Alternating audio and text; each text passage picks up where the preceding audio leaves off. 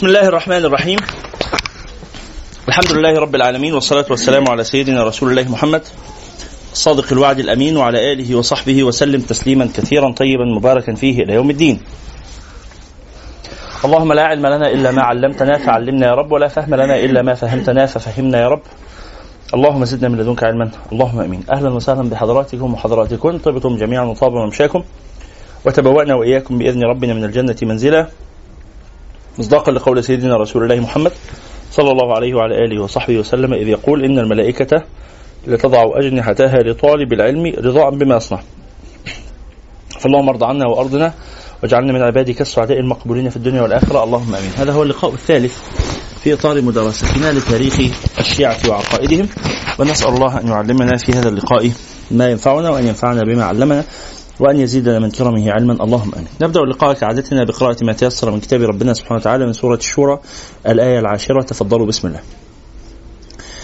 بسم الله الرحمن الرحيم. وما اختلفتم فيه من شيء فحكمه إلى الله. ذلكم الله ربي عليه توكلت وإليه أنيب. فاطر السماوات والأرض جعل لكم من أنفسكم أزواجاً ومن الأنعام أزواجا يذرأكم فيه ليس كمثله شيء وهو السميع البصير. له مقاليد السماوات والأرض. يبسط الرزق لمن يشاء ويقدر. إنه بكل شيء عليم.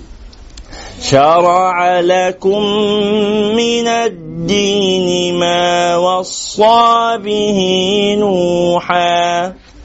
والذي أوحينا إليك وما وصينا به إبراهيم وموسى وعيسى أن أقيموا الدين ولا تتفرقوا فيه كبر على المشركين ما تدعوهم إليه. الله يجتبي إليه من يشاء ويهدي إليه من وما تفرقوا إلا من بعد ما جاءهم العلم بغيا بينهم ولولا كلمة سبقت من ربك إلى أجل مسمى لقضي بينهم وإن الذين أورثوا الكتاب من بعدهم لفي شك منه مريب فلذلك فادع واستقم كما أمرت ولا تتبع أهواءهم وقل آمنت بما أنزل الله من كتاب وأمرت لأعدل بينكم الله ربنا وربكم لنا أعمالنا ولكم أعمالكم لا حجة بيننا وبينكم الله يجمع بيننا وإليه المصير صدق الله العظيم. وبلغ رسوله الكريم. ونحن على ذلك إن شاء الله من الشاهدين. نسأل الله تعالى أن يجعلنا وإياكم من أهل القرآن الذين هم أهل الله وخاصته. اللهم آمين. في حد بيحضر معانا النهارده لأول مرة؟ طيب كأني شفت وجوه جديدة. آه، أهلا وسهلا بحضراتكم جميعا. عندنا النهارده ست أفكار عايزين نتكلم فيها. صلوا على النبي وعليكم السلام. تأسيسا على ما آه، قلناه في اللقاءين السابقين. إحنا ختمنا اللقاء اللي فات وإحنا بنرسم الخريطة صحيح؟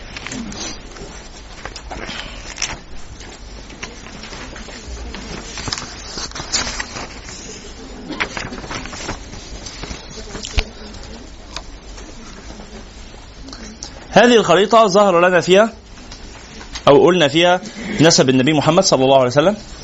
فقلنا مع بعض كده هو سيدنا.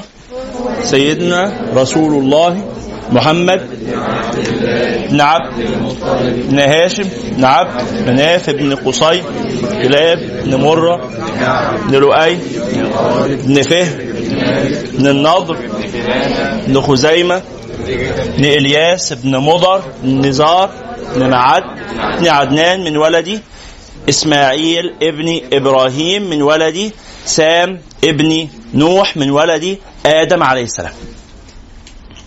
هذه الزيادة لن نحفظها الزيادة الأخيرة. فنزيدها الآن. عدنان من ولد إسماعيل بن إبراهيم. ها من ولد إسماعيل بن إبراهيم. من ولد إسماعيل بن إبراهيم. طيب وإبراهيم؟ من ولد سام بن نوح. من ولد سام بن نوح. ونوح؟ من ولد شيث ابن آدم عليه السلام. نوح من ولد شيث ابن آدم عليه السلام. يبقى إحنا اهو. عدنان.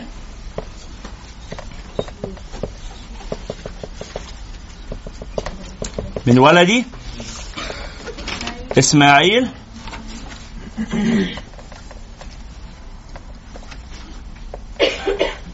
ابن إبراهيم. وإبراهيم من ولد سام ابن نوح. ونوح من ولد شيث. شيث ابن آدم عليه السلام.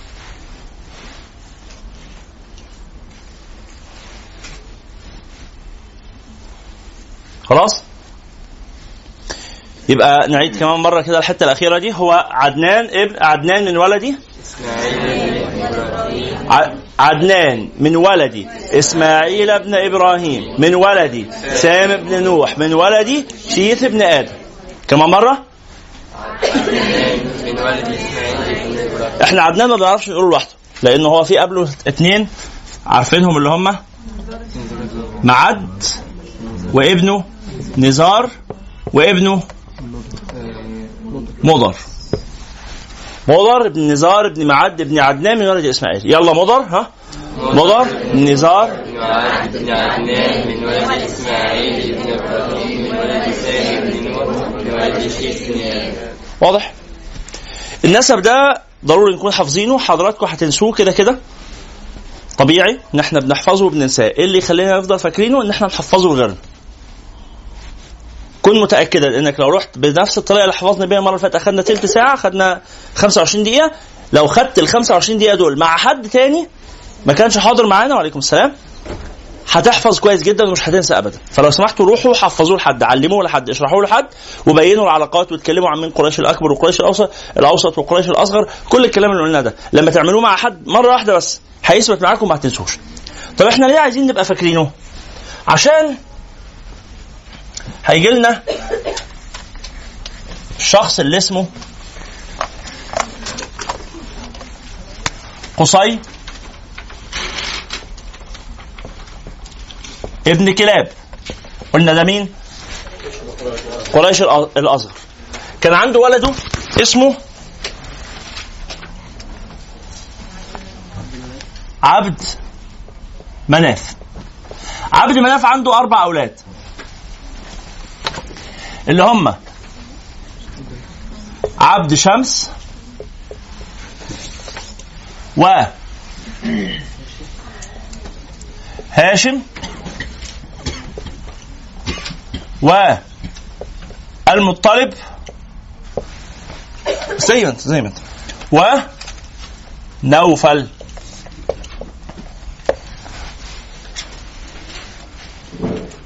ماشي؟ أربع أبناء. عبد شمس بن عبد مناف بن قصي وهاشم بن عبد مناف بن قصي والمطلب بن عبد مناف بن قصي ونوفل بن عبد مناف بن قصي.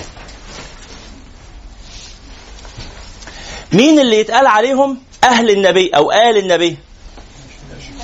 بنو هاشم وبنو المطلب. بس. اشمعنى؟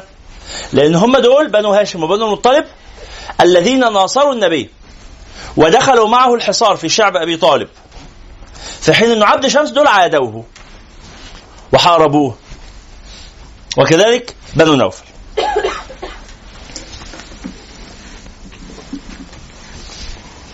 عبد شمس عنده ولدين. ولد اسمه أمية. واحد تاني اسمه أبو العاص.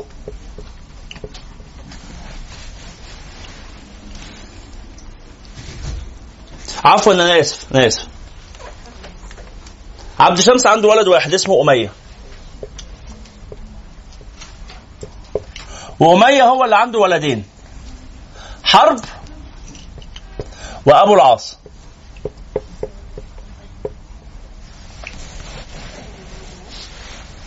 وحرب عنده ولد اسمه صخر. اللي هو أبو سفيان. وأبو سفيان عنده ولدين. ولد اسمه معاوية وولد اسمه زياد.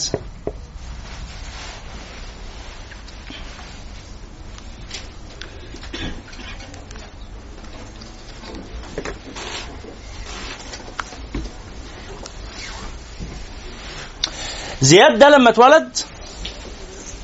زياد ابن أبو سفيان. أبوه ما كانش راضي يعترف بيه لأن هو مش من أم شرعية. ادخل هنا يا اخويا اتفضل. زياد ابن أبو سفيان أبو سفيان ما كانش راضي يعترف بيه. فعرف باسم زياد ابن أبيه. الاسم ده اظن مشهور. نسمع كتير عن زياد بن أبيه. مين زياد بن أبيه؟ هو زياد ابن أبو سفيان. بس هو ما بيتقالش عليه ابن أبو سفيان. عشان أبو سفيان ما رضيش يعترف بيه. يبقى زياد بن أبيه أخو معاوية بن أبي سفيان. فاهمين معنى ابن أبيه يعني؟ ابن أبوه يعني. مش مهم أبوه مين. المهم إن هو ابن أبوه. وكل واحد ما كلنا ابناء ابناء آبائنا. بس كأنه ابن أبيه دي تهمة أو سبه لأن إحنا مش متأكدين ابوه مين كأننا كده يعني مش متأكدين ابوه مين. بس هو في الحقيقة لا كان ابن أبو سفيان. واضح؟ أبو العاص كان عنده ولدين. واحد اسمه عفان واحد اسمه الحكم.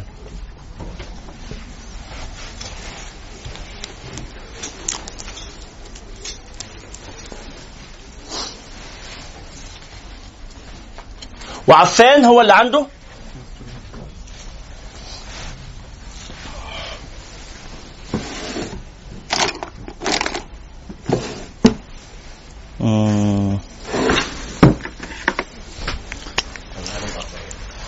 إيه؟ لا خلاص. عثمان ابن عفان رضي الله عنه. والحكم كان عنده؟ مروان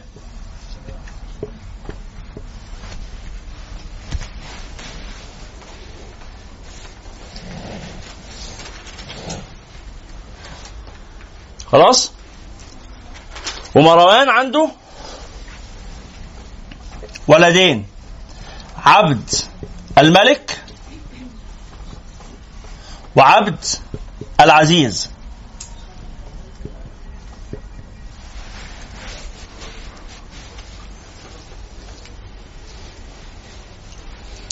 ثم مستوعبين العلاقات ما بين الأشخاص دي. وعبد الملك عنده أربع أولاد. اللي هم الوليد وسليمان ويزيد وهشام وعبد العزيز عنده ولد. اللي هو؟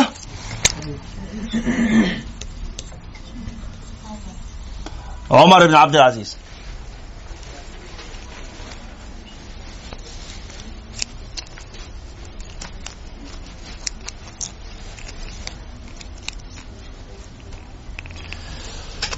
وهاشم هنبدل مكان هاشم مع مكان المطلب عشان يدينا مساحة.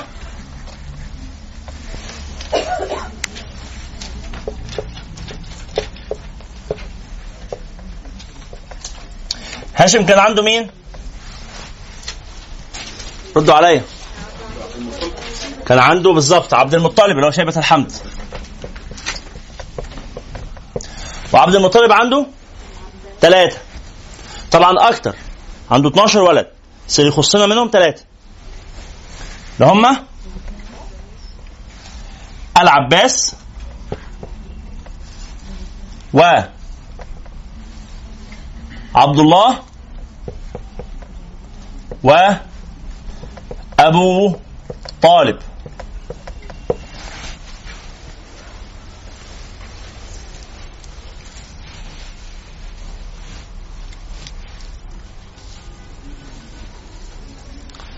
ماشي كده؟ وعبد الله هو اللي منه سيد الخلق صلى الله عليه وعلى آله وصحبه وسلم.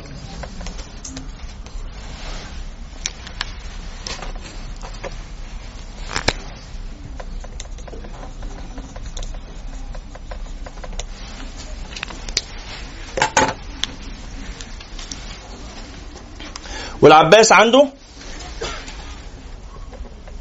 عبد الله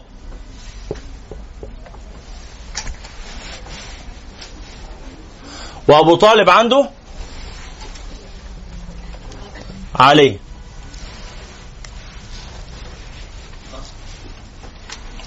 نكتب اللي يخصنا. عنده غيره طبعا عنده جعفر وعنده غيره.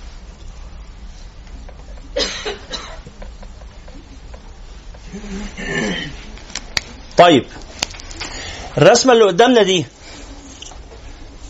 ملاحظين فيها الطبقات التاريخية اللي هم الأقران مين الدفعة واحدة اللي مع بعض؟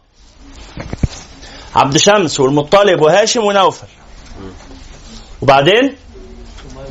أمية وعبد المطلب. وبعدين؟ حرب وأبو العاص والعباس وعبد الله وأبو طالب. وبعدين؟ أبو سفيان وعفان والحكم وعبد الله بن عباس وسيدنا محمد وسيدنا علي. وبعدين الطبقة الأقل اللي هم معاوية وزياد وعثمان ومروان. وقصدهم هناك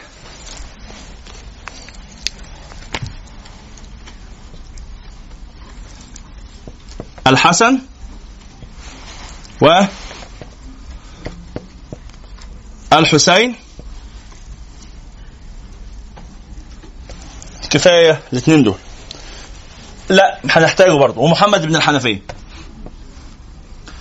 ومحمد ابن الحنفية. الحنفية دي أمه. هو ابن سيدنا علي بن أبي طالب لكن ليس من السيدة فاطمة. محمد بن الحنفية أخو الحسن والحسين لعلي. أخوهم لابوهم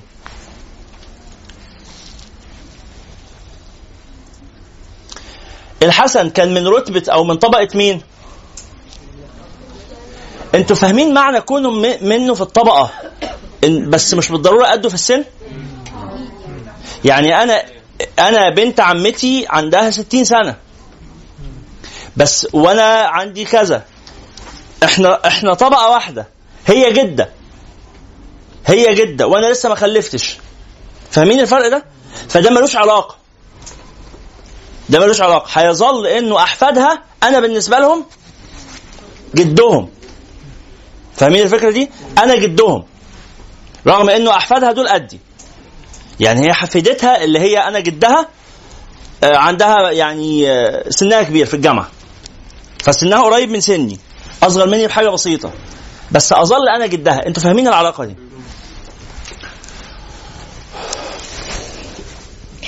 طيب.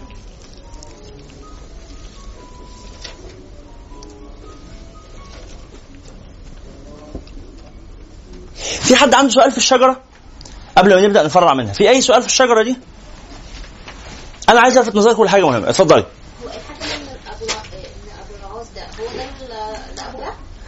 لا. لا ده التاني هشام آه، هشام؟ الحكم بن هشام ده واحد تاني. نعم. بنقرأ في التاريخ عن ناس اسمهم الطالبيون. من هم الطالبيون؟ سؤال جيد. من هم الطالبيون اللي هم أبناء أبي طالب؟ أبناء أبي طالب. أبناء علي وغيره. من أبناء أبي طالب. هم دول الطالبين من أبناء عبد المطلب. بس إحنا مش قايلينه. إحنا قلنا أبناء عبد المطلب كتير. هنكتب اللي يخصنا منهم اللي هم الثلاثه دول. أي سؤال في الشجرة قولوا لي اسم أي حد تسمعوا عنه عشان نشوف مكانه فين. آه، كنت عايز تعرف من هم في نفس الرتبة في ال- الإمام الحسن والحسين ما هو؟ مين اللي في نفس رتبة الحسن والحسين؟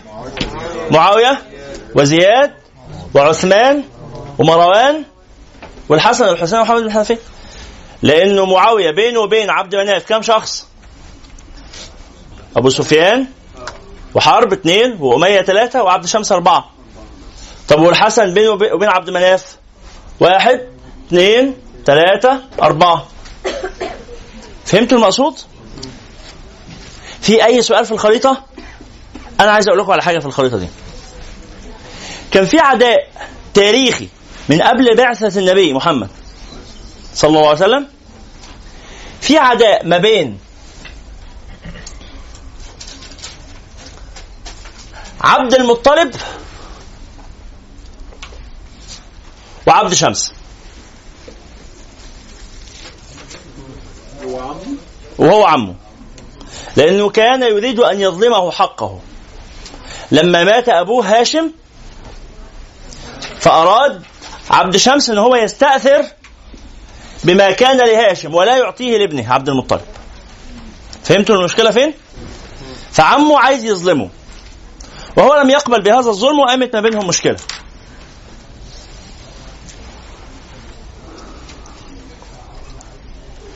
عبد شمس وهاشم توأم.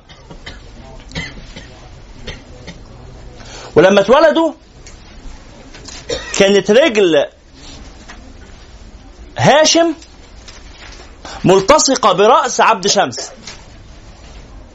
في مشكلة خلقية أو عيب خلقي مخلي رجل هاشم ملتصقة برأس عبد شمس. فالأطباء أو يعني الخبراء عندهم عشان يفصلوهم عن بعض احتاجوا إلى عملية جراحية بالسيف بال- بالسكين فصلوهم. فقال العرافون والمنجمون والناس دول إنه سيكون بين هذين دم. أنتوا فاهمين الفكرة دي؟ ده في عداء. ده إحنا ما فصلناهمش عن بعض غير بسيلان هذا الدم سال الدم. الأخين اتفصلوا اتفرقوا فكان في عداء بين عبد المطلب وعبد شمس. وبعدين بقى في عداء ما بين أبو طالب وأبو العاص. إيه العداء؟ تنافس على الشرف. مين أحق بقيادة مكة. طبعا عبد المطلب وهو عايش. ما حدش نفسه. لأن عبد المطلب في الآخر تفوق على عمه. وطرده من مكة وقصة. فعبد المطلب تفوق. أنتوا عارفين العرب بالنسبة لهم مسألة مين سيد القبيلة؟ القبيلة لا تقبل أكثر من سيد. ممكن في سادة بس في النهاية في سيد السادات. لأنه بطبيعة الحال المركب اللي فيها رئيسين. أنتوا معايا ولا لا؟ بتغرق معروف. فعبد المطلب أصبح سيد قريش. سيد قريش الناس كلها في قريش عارفين إن هو سيد قريش. مين مش راضي بهذه المنزلة؟ أبو العاص. وحرب. عايزين ينافسوا. ثم دول آه، عفوا آه، آه أبو العاص وعبد المطلب. أبو العاص وأبو طالب أيوه. لأنه أبو طالب وريث أبوه عبد المطلب السيد خلاص انتهينا. مات عبد المطلب. مين يرثه؟ في خلاف بقى. هل تنتقل ال- ال- ال- السيادة إلى عقبه اللي هو أبو طالب ولا تروح لابن أخيه اللي هو أبو العاص؟ حرب مات في الصحراء واتدفن في حتة بعيدة كده عن مكة وهو ده اللي الشاعر بيقول عليه وقبر حرب بمكان قفري وليس قرب قبر حرب قبره. وهذا البيت بيضرب به المثل في التنافر الصوتي. مثل بيضرب به أو أو عفوا بيت شعر بيضرب به المثل في التنافر الصوتي لأنه بيقول وقبر حرب بمكان قفري وليس قرب قبر حرب قبره. هو ده اللي قميص نفيسه نشف بتاع العرب أو أرنبنا في منور أنور بتاع العرب. زي الراجل اللي كان بيقول عرفت مرقة رقبة بقرة علي القرقبي من بين مراق رقاب الأبقار القراقبة. عارفين القصة دي؟ آه حد دي حاجة ما حدش يعرفها إزاي يعني دي حاجة معروفة جدا. عرفت مرقة رقبة بقرة علي القرقبي من بين مراق رقاب بقار القراقبة.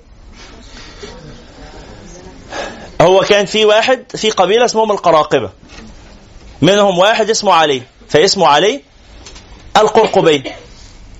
في يوم ذبحوا أبقار. ذبحوا أبقار.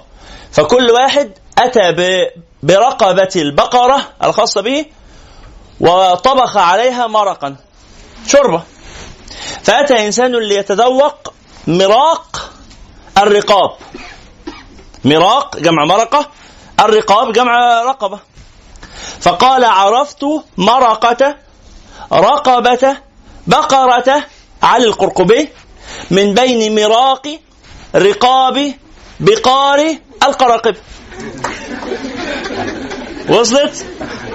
سهلة. سهلة. هي بس تبان خد تبان صعبة في الأول بس إحنا لما نعرف فكرة إن هم القراقبة نعرف نقول تعالوا كده نجرب نقولها مع بعض. صدقوني حلوة.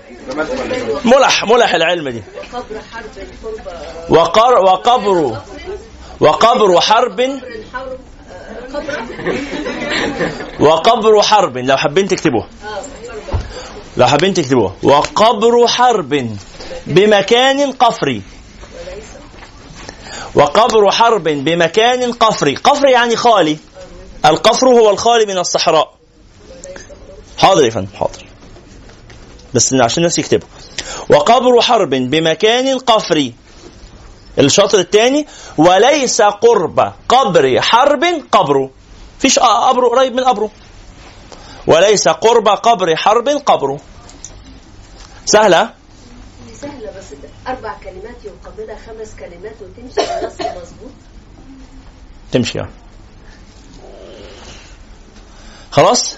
لأنه يعني هي مش بالكلمات هي بالحروف بال- بالحركات والسكنات. فهم متقابلين وموزونين تمام. طيب نرجع تاني. العداء مستمر ما بين الأسرتين. لغاية لما وصلنا إلى رسول الله محمد. هو لما مات لما أبو طالب كبر في السن إحنا اتفقنا إن هو أبو طالب هو إيه؟ سيد قريش. مين؟ أبو طالب. آه عبد المطلب هو سيد قريش. مات عبد المطلب. تنتقل السيادة ولا لا تنتقل؟ الخلاصة إن هي لم تنتقل. لم تنتقل. وأصبح السيد هو أبو طالب. وحرب مات. وأبو العاص موجود بس إيه؟ ملوش هذه المكانة العالية التي لابن عمه. هو ده ابن عمه؟ بس ابن عمه مش المباشر. واخدين بالكم؟ ابن عمه بلفة بعيدة شوية. بس هو ابن عمه. بالمناسبة هو ده بيقول على ده ابن عمه. نعم. هنا مش درجة يعني. العم هنا مش مش العم المباشر. العم وإن على لأن هو هاشم. يبقى إيه بالنسبة لمعاوية؟ أخو جده. فأخو جده يبقى عمه أخو جده يبقى عمه إحنا نقول عليه جده دلوقتي عشان هو راجل كبير. بس إحنا بنقول جده على حتى الراجل اللي مش من قرايبنا. يعني لو شفنا راجل عجوز في الطريق هنقول له يا جده. بس من غير ما يكون جدي. لكن أخو أخو جدي المباشر بيبقى عمي. وأبناء وأبناء عمومتي. فهمتوا الفكرة دي؟ فمعاوية يبقى هاشم بالنسبة له عمه. وبالتالي أبناء هاشم طب هو الحسن الحسن من أبناء هاشم؟ لا الحسن من أحفاد هاشم. بس أبناء بتبقى واسعة. أنتوا فاهمين المصطلحات دي؟ فبنو هاشم مش معناها إن هم إحنا بنتكلم على عبد المطلب بس لا. هاشم عنده ولد واحد. إذا بنقول بنو هاشم إنه عبد المطلب وأبنائه. والسلاله بالظبط كده. طيب. استمر العداء لغاية لما وصلنا إلى إنه أصبح السيد هو أبو طالب.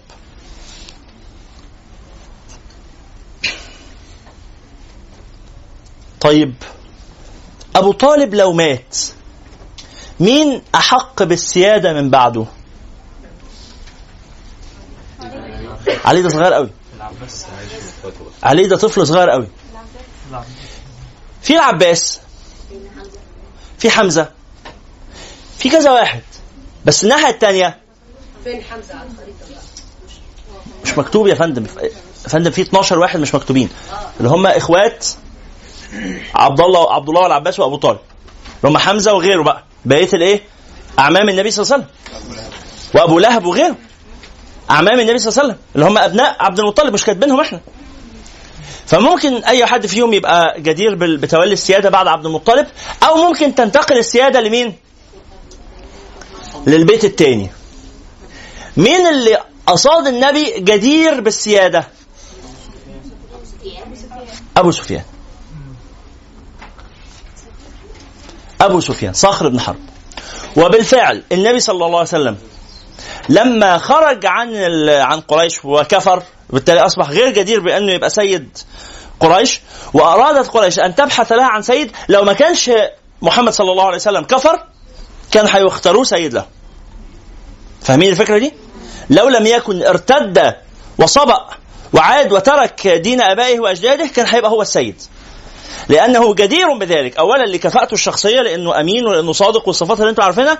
وثانيا وده الأهم لأن هو نسبه الشريف ده ابن عبد الله بن عبد المطلب. فهو ابن أخو آه، أبو طالب وهو جدير بتولي هذا الأمر.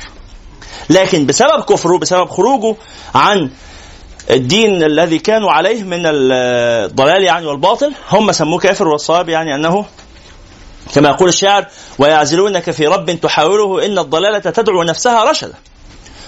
إن الضلالة تدعو نفسها رشدا والكفر أشجع ما تأتيه من عمل إذا رأيت ديانات الورى فندا تركته وهو دين لا بديل له إلا التعبد في الغيران منفردا نعم يا فندم. حضرتك قلت دلوقتي هم قالوا صبأ أي ترك دين أبائه وأجداده. ترك دين أبائه وأجداده. في حين إن السابقة دي تانية خالص. آه، عموما لا لا. ليه اللفظ؟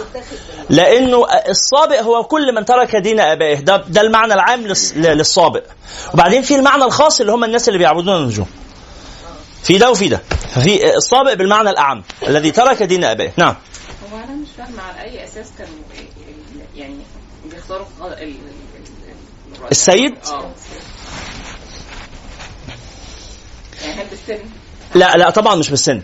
الأقدر على سياسة أمور الناس على قيادة القبيلة.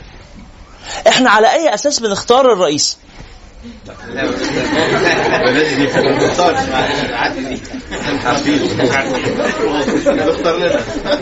على أي أساس ولاة أمورنا والأدرى بما يصلحنا يختارون الرئيس المناسب لنا؟ ما هو أن يكون عسكريا بس ما هم العسكريين كتير. أي العسكريين أقدر بتولي يعني إدارة الأمور؟ فاهمين. حسب الظرف. حسب الظرف حسب السياق. أعضاء المجلس العسكري كتير مين فيهم اللي ينفع يبقى رئيس المجلس العسكري؟ فضلا عن رئاسة الجمهورية. مين ينفع؟ أنتوا عارفين رئاسة الجمهورية دي رتبة بعد رئاسة المجلس العسكري يعني هي درجات كده. ف... فمين؟ بلاش رئاسة الجمهورية. مين ينفع لرئاسة المجلس العسكري؟ هل لا يا فندم بيبقى بتبقى متغيرة. صح ولا أنا غلطان؟ يعني مش لازم يبقى جاي من سلاح الإشارة. أو لازم يبقى جاي من سلاح المدفعيه هل في شرط كده؟ أو لازم يبقى قائد سلاح المشاة أو قائد سلاح البحرية؟ ما يشترطش. مين صفاته الشخصية وقدرته على القيادة وكده تؤهله لتولي هذا الأمر؟ نعم. بس في النهاية الاختيار محصور ما بين مجموعة معينة خمسة ستة عشرة هم دول القادة. نفس السبب ده كان أبو لهب يعني سيد. لا يعني كان يعني كان بيعادي في الرسول عليه الصلاة والسلام علشان نفس السبب اللي هو كان إن هو عايز السياده زي آه طبعا طبعا. طيب في سؤال؟ الخطوة اللي بعدها. بس أبو لهب حضرتك قلت معلش يا فندم لحظة واحدة. سيدنا محمد قصاد أبو سفيان. وبعدين علي ابن النبي. مش إحنا اتفقنا إن علي ابن النبي؟ حتى ولو كان في نفس رتبته بس هو ابنه لأنه فرق السن. واضح الفكرة دي. فعلي من البيت الهاشمي. يعادي مين أو يحارب مين من البيت ال- الأموي؟ هو إحنا ليه بنقول عليه بيت اموي نسبة لأمية بن عبد شمس فده اسمه البيت الهاشمي وده اسمه البيت الأموي. مش البيت العبد شمسي البيت الأموي. هو البيت الأموي هو البيت العبد شمسي بس إحنا بنقول البيت الأموي أو شهر باسم البيت الأموي. واضحة دي؟ وده كله اسمه البيت القرشي. أبناء عبد مناف. طيب آه فسيدنا علي في مواجهة معاوية. ثم المرحلة اللي بعد كده بقى اللي هي معاوية ده كان عنده يزيد. ويزيد عنده معاوية. في واحد اللي هو يزيد بن معاوية وفي معاوية الثاني اللي هو معاوية بن يزيد بن معاوية. خلاص؟ واضحة العلاقة دي؟ في أي سؤال؟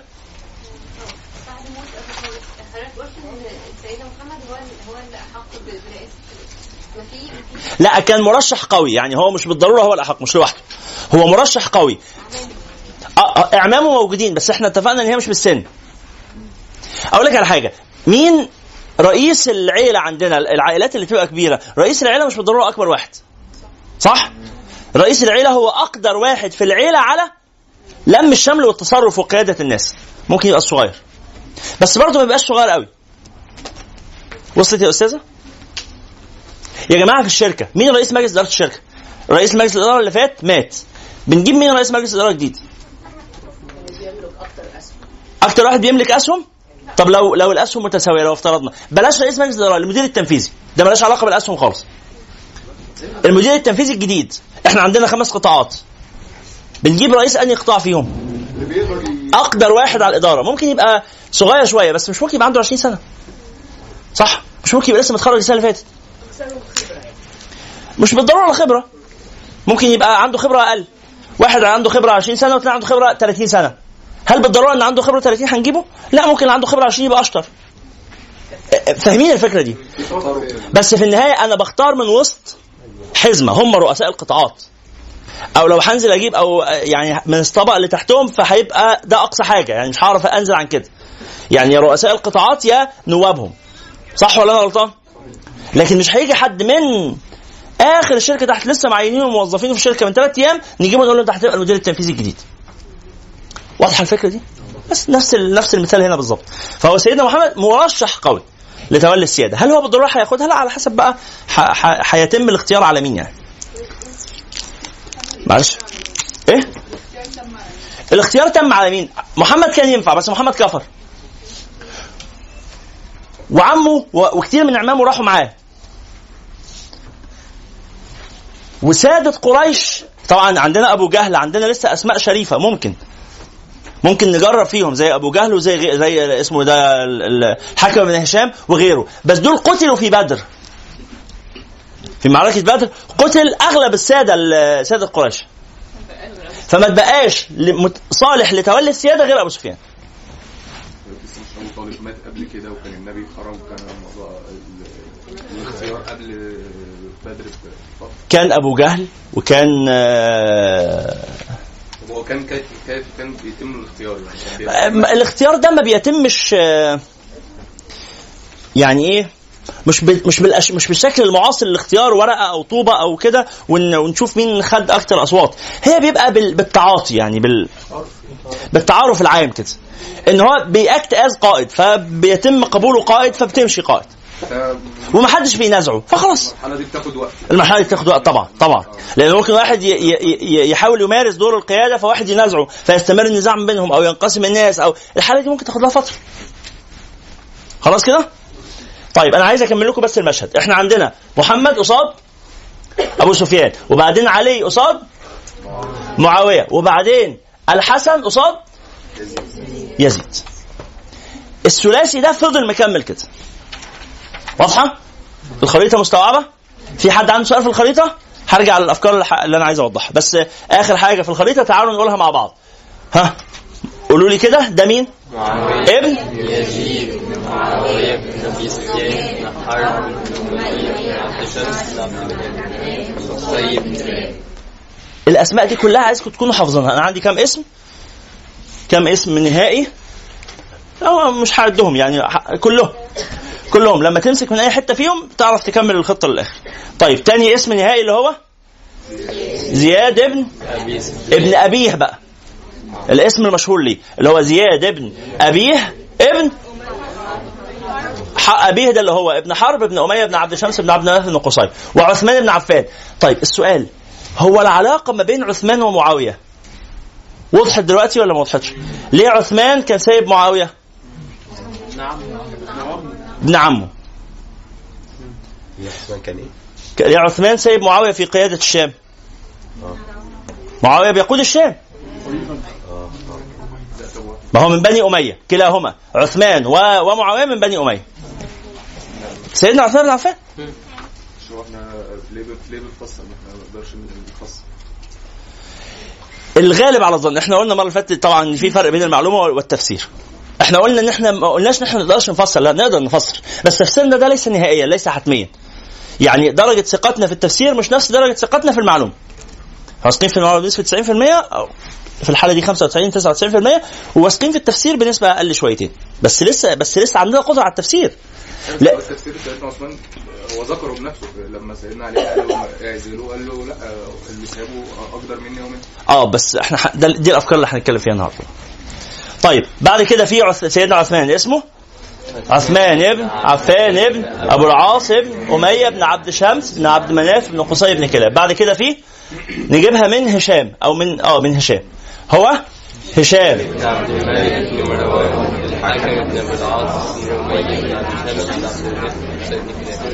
طب عمر؟ عمر بن عبد بن بن بن بن بن ما تزهقش من التكرار. ما تزهقش من التكرار. إنه محتاجين نحفظ ده. وبعد كده؟ عبد الله بن عبد بن عبد الله بن بن عبد بن بن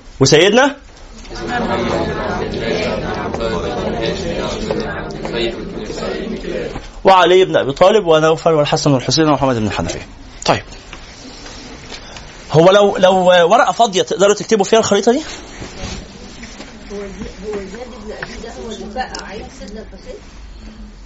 لا ما أعرفش. لا علم لي بها. طيب لو مسحنا الخريطة دي يا اخوانا تعرفوا تكتبوها في ورقة فاضية من الذاكرة؟ ما ده اللي إحنا عايزينه. إحنا عايزين نعمل كده.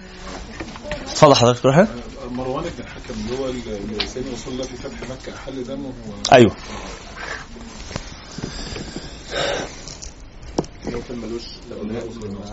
لا مش ما ما يخصناش. طيب نعمل إيه عشان تحفظوا الخريطة دي؟ أنا عايز أمسحها وتكتبوها في ورقة فاضية من الذاكرة. المرة اللي جاية؟ طب ما إحنا رسمناها المرة اللي فاتت ولا ما كناش كملناها؟ ما كناش كملناها ما كناش البيت الأموي. ما كتبناش البيت الأموي. كتبنا البيت الهاشمي بس. طيب ممكن تحفظوها لوحدكم مش لازم نحفظها مع بعض. إحنا حفظنا مع بعض عمود النسب. صلى الله عليه وسلم. فاحفظوها لوحدكم بس ضروري جدا المرة اللي جاية. هنطلع ورقة فاضية ونشوف هتكتبوا منها كام اسم. طيب نرجع تاني إلى الخلاف. ظهور الشيعة بقى.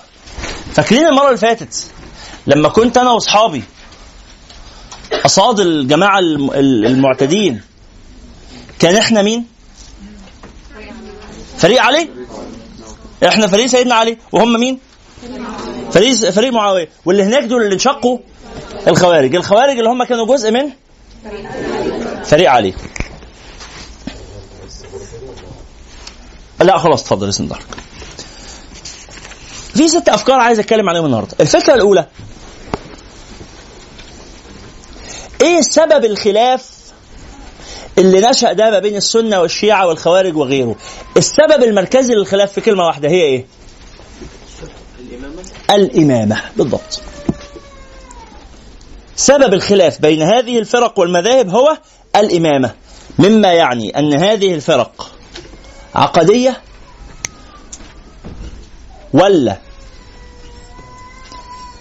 آه ولا فقهية ولا سياسية سياسية الخوارج أو الشيعة أو غيرهم أو أهل السنة والجماعة دول دي فرق سياسية بس الخلاف السياسي تطور وبقى ليه آه، علاقات آه، فقهية بقى ليه ظلال فقهية بقى ليه ظلال عقدية بس هو بالأساس خلاف إيه؟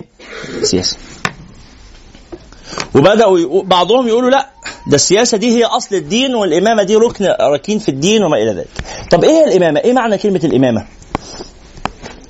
وده تعريف مهم. إيه هي الإمامة أو إيه هي الخلافة؟ ما الإمامة والخلافة نفس الشيء. مترادفات، إيه تعريفها؟ قالوا ال- الخلافة ده تعريف آه، إمام الحرمين الجويني ومن قبل المواردي قال وده تعريف محتاج توضيح بيقول الخلافة هي النيابة عن صاحب الشريعة في رعاية شؤون الدين والدنيا الخلافة هي النيابة عن صاحب الشريعة مين صاحب الشريعة؟ صلى الله عليه وعلى آله وصحبه وسلم سيدنا محمد يعني إيه معنى كونه صاحب الشريعة؟ إحنا طبعا لما نسمع صاحب صاحب الشريعه بنفكر الله. طبعا سبحانه وتعالى يعني آه، له الحكم وله الخلق والأمر، ولكن لما بنقول صاحب الشريعة معناها الذي عرفنا الشريعة. ورسم لنا أطورها والمرجع إليه في معرفة تفاصيلها، لما بنحتاج نعرف الشريعة بنرجع لمين؟ بنرجع لمين وهو عايش؟ بنرجع لسيدنا محمد، مات النبي محمد عايزين نعرف الشريعة بنعرف إيه؟ سنته والقائمين بسنته مين القائمين بسنته هم نوابه فالخلافة هي النيابة هقول لك هقول لك حاضر. الخلافة هي النيابة عن صاحب الشريعة. مين صاحب الشريعة؟ سيدنا محمد صلى الله عليه وسلم. صاحب الشريعة ده لما كان عايش كان بيعمل إيه؟ كان بيعمل حاجتين. كان بيرعى شؤون الدين اللي هو معرفة الحلال والحرام ويرعى شؤون الدنيا اللي هو تجيش الجيوش وتوجيه الناس وتنظيم الأسواق والحكومة. الشان الداخلي والشان الخارجي.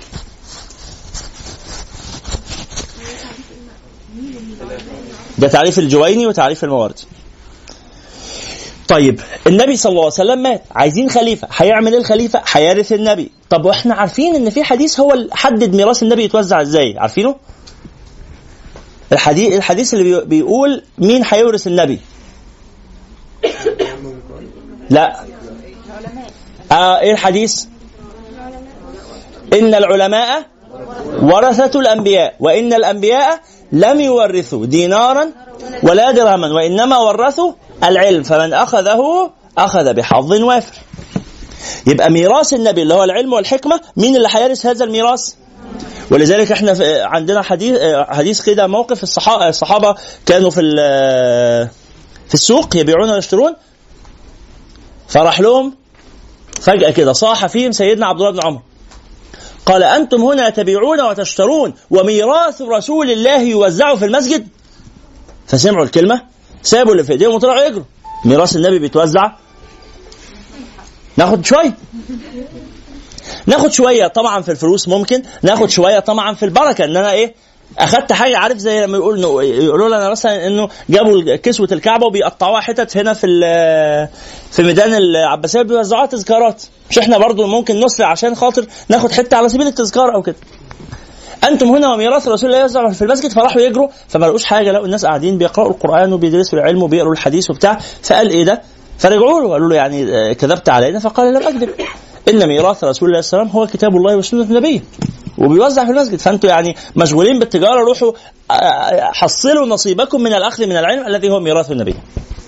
طيب إذا كان العلم إذا كان ميراث النبي هو العلم والخليفة هو نائب عن النبي صلى الله عليه وسلم يبقى معناها إنه أهم شرط في الخليفة أن يكون عالما. أول شرط في الخليفة هو العلم، أنهي علم؟ العلم المؤدي إلى الاجتهاد. يعني إيه العلم المؤدي إلى الاجتهاد؟ يعني أن يكون فقيها شرعيا كبيرا. إيه هو الاجتهاد؟ بنقوله ده تبع علم أصول الفقه. مين عارف تعريف الاجتهاد من زملائنا بتوع الأصول؟ محدش معانا منهم. غير الأستاذة هبة فقط. والأستاذة أماني. ها ما هي ما هو الاجتهاد؟ قول لنا يا أماني. نسيت. آه طبعا. هو أنا بس مش تعريف يلا يا ابتهال ها. هو يكون يعني يخلص كل الفقه لا لا دي الشروط دي الشروط. أنا بقول إيه هو الاجتهاد؟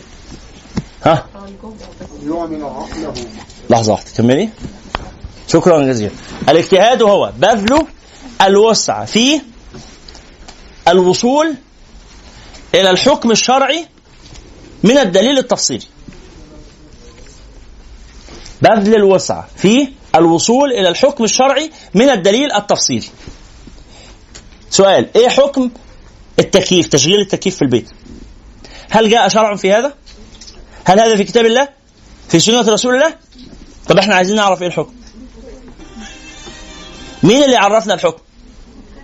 المجتهد. طيب إيه حكم زراعة الأعضاء؟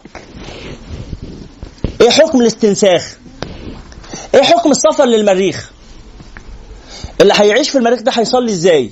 الأسئلة دي كلها. إيه حكم آه وضع الأموال في البنك؟ إيه حكم؟ إيه تاني مسائل جديدة؟ طب هو إيه الدرجة اللي فوق ال- مفيش درجة فوق الاجتهاد هي أعلى درجة هي الاجتهاد يا اخوانا المسائل الجديدة بلا إيه حكم الويسكي؟ إيه حكم الويسكي؟ الويسكي مش خمرة طبعا؟ طبعا. الويسكي طبعا مش خمرة. لا ما تضحكش علينا الخمر في اللغة هو عصير العنب. فقط عصير العنب المسكر هو ده الخمر. عصير العنب المسكر هو ده الخمر. لكن عصير التفاح اللي هو الشمبانيا أو عصير البصل اللي هو الويسكي أو عصير الشعير اللي هي البيرة أو عصير البطاطس اللي هي الفودكا أو عصير البطاطا أو عصير الرز اللي هي الفودكا البيضة. ها؟ أو نحو ذلك يعني ال- إلى آخره يعني. الله عليك يا أستاذ. ها؟ هل الفودكا أو الكونياك أو الويسكي أو البيرة هل هي خمر في الشرع؟ لا ليست خمرا. ليست خمرا. بتأخذ حكم الخمر. بتأخذ حكم الخمر أنها مسكرة فهي حرام رغم إنه ما فيش في القرآن حكم الويسكي. صح ولا أنا غلطان؟ ولا في في, السنة حكم الويسكي. بس بنعمل إيه؟ بنعمل قياس. عملية القياس دي مين اللي بيقوم بيها؟ المجتهد. المجتهد العالم المجتهد. اللي هو مين؟ اللي هو الخليفة. فالخليفة نفتح شوية صغيرين. آه يهوي بس ال... إيه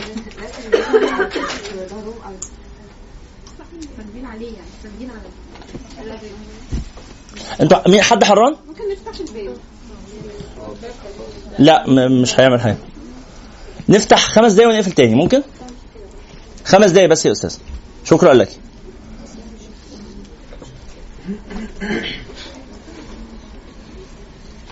لا يعني نفتح على الآخر هم خمس دقايق فيعني. يلا معلش. افتحوا شوية كده.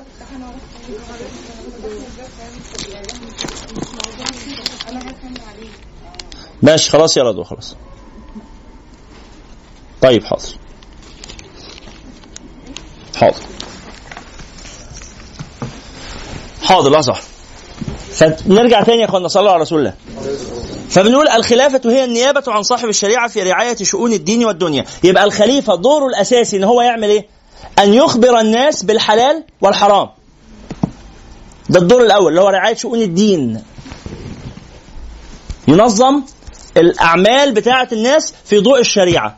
والهدف الثاني أو الدور الثاني ليه إن هو يقود شؤون الدنيا اللي هو ينظم الجيوش ويشوف الاستثمار والصناعة والتجارة وال- وال- والحاجات دي كلها.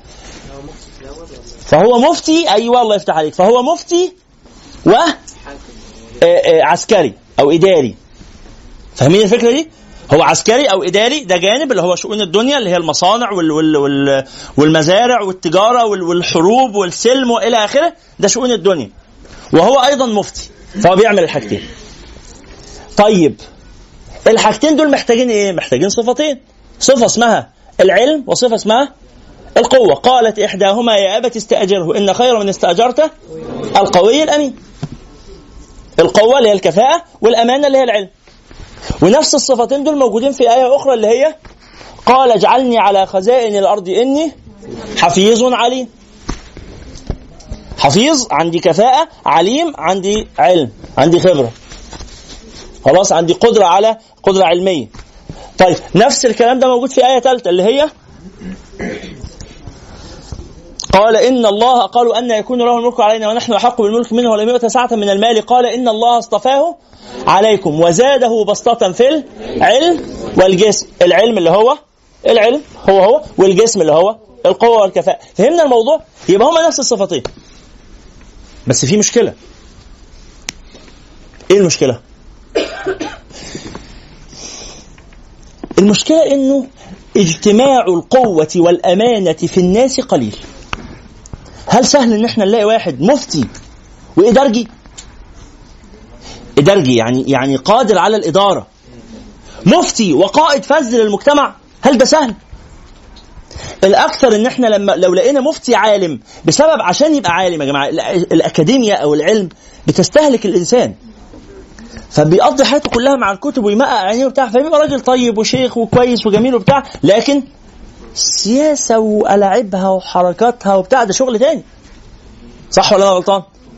إدارة شؤون الناس الوزارات الشأن الداخلي الشأن الخارجي التفاصيل الإدارية دي. وياما شفنا حد سؤال هو الأول على الكلية الأول على الدفعة سنة التخرج الأول على الدفعة هو أشطر واحد لما يروح يشتغل؟ ياما شفنا. الأول على الدفعة لما بيجي يشتغل بيبقى إيه؟ حالته ما يعلم بها إلا ربنا. صح؟ وياما شفنا واحد شاطر جدا في الشغل بس لما كان في الكلية كان فاشل أو يعني اللي هو بينجح بمقبول. مش شفنا ده؟ كتير كمان. الفرق بينهم بيبقى إيه؟ المهارات الإدارية ال soft skills قدرته على الإدارة قدرته على العمل في فريق قدرته على التواصل. المهارات دي بيتعلموها في الكلية. يعني هو لما طلع الأول على الكلية طلع الأول على الكلية عشان هو قائد فذ عشان هو متواصل جيد عشان هو بيعرف يحفظ أو بيعرف يذاكر أو بيعرف يتعلم أو إلى آخره. فاذا ليس هناك تلازم بين العلم والقوة صح ولا أنا غلطان؟ فقد يوجد بل كثيرا ما يوجد عالم غير قوي. أو يوجد قوي غير عالم. ففي واحد أمين محترم تحطه على الجرح يطيب شخص مهذب جدا جدا جدا. بس والله لو مسكته يدير طابونة ما يعرف يديرها. مش بنشوف كده؟ بيعرفش يحسب ما بيعرفش ياخد قرارات. وفي واحد تاني موس أستاذ ياخد قرارات زي ما أنت عاوز. بس فين العلم؟ بيلعب بالبيضة والحجر. السؤال. انهي في الاثنين دول الأقدر بتولي الحكم الأمين غير القوي ولا القوي غير الأمين؟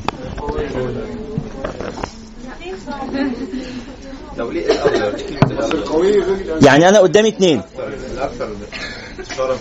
قدامي اثنين أهو قدامي ده وقدامي ده. حضرتك هتختار أنهي؟ هو ومسلم لا إحنا إحنا بنقول الأمانة. خلا بنقول الأمانة. ما بنقولش العلم بنقول الأمانة. أمين غير قوي وقوي غير أمين. انسوا العلم دلوقتي. العلم ده ممكن العلم نوعين. العلم نوعين علم الباطن اللي هي الأمانة وعلم الظاهر اللي هي الكفاءة اللي هو القوة. فكلمة علم فاهمين اللي معايا اللي بقوله كلمة علم علم تتضمن المعنيين دول. فخلينا من كلمة علم خلينا مع كلمة قوة وأمانة. أختار قوي ولو لم يكن أمينا ولا أمين ولو لم يكن قويا. أصلا أنت مش هتختار القوي القوي هيفرض نفسه. القوي معاه دبابه هتخلص كل حاجة خلاص. هو التاريخ اثبت كده فعلا. هو كان معاوية بن أبي سفيان يعني. لحظة واحدة لو أنت عندك رغبة في الاختيار يلا قلنا لك عايزين رأيك يا عم. لا هجيب القوي برضه. برضو يعني هو يعني انت متضايق من اللي حصل في التاريخ قمت تكرره؟ السؤال السؤال بالتصويت يلا افترضوا ان إحنا هنعمل تصويت دلوقتي. ولا يزيد. سؤال ما ما فيش مشاكل. سؤال مين هنا بيقول لو قدام الشخصين دول قوي الصوت قوي لكنه الأمانة عنده مش ولا بد بس هو شاطر ولا محترم جدا بس مش شاطر قوي؟ مين بيقول أنا هختار القوي حتى ولو لو كان غير أمين أو ضعيف الأمانة؟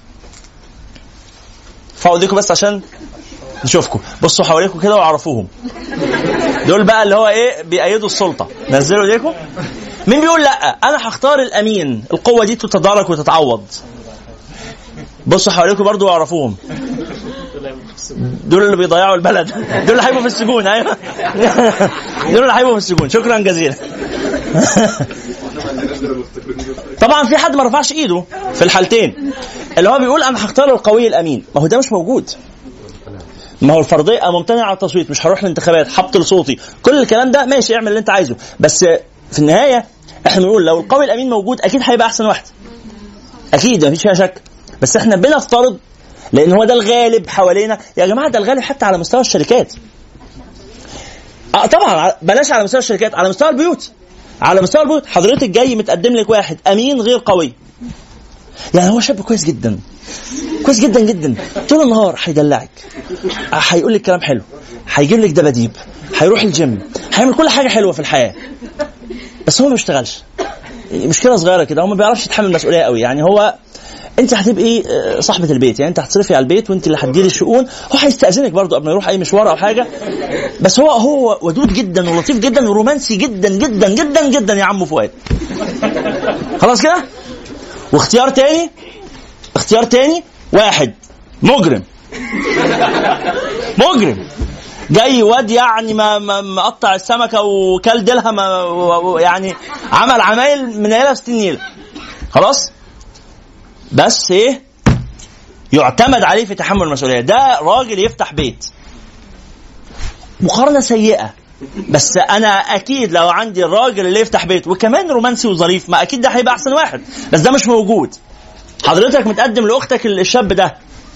هتجوزها لاني فيهم؟ للجدع الراجل اللي يفتح بيت بس هيصبحها بعلقة ويمسيها بعلقة؟ ولا اللي هيعيش معاه هيعيش معاها هيفضل يقول لها كلمات شعر وغزل بس هي اللي هتبقى فاتحة البيت.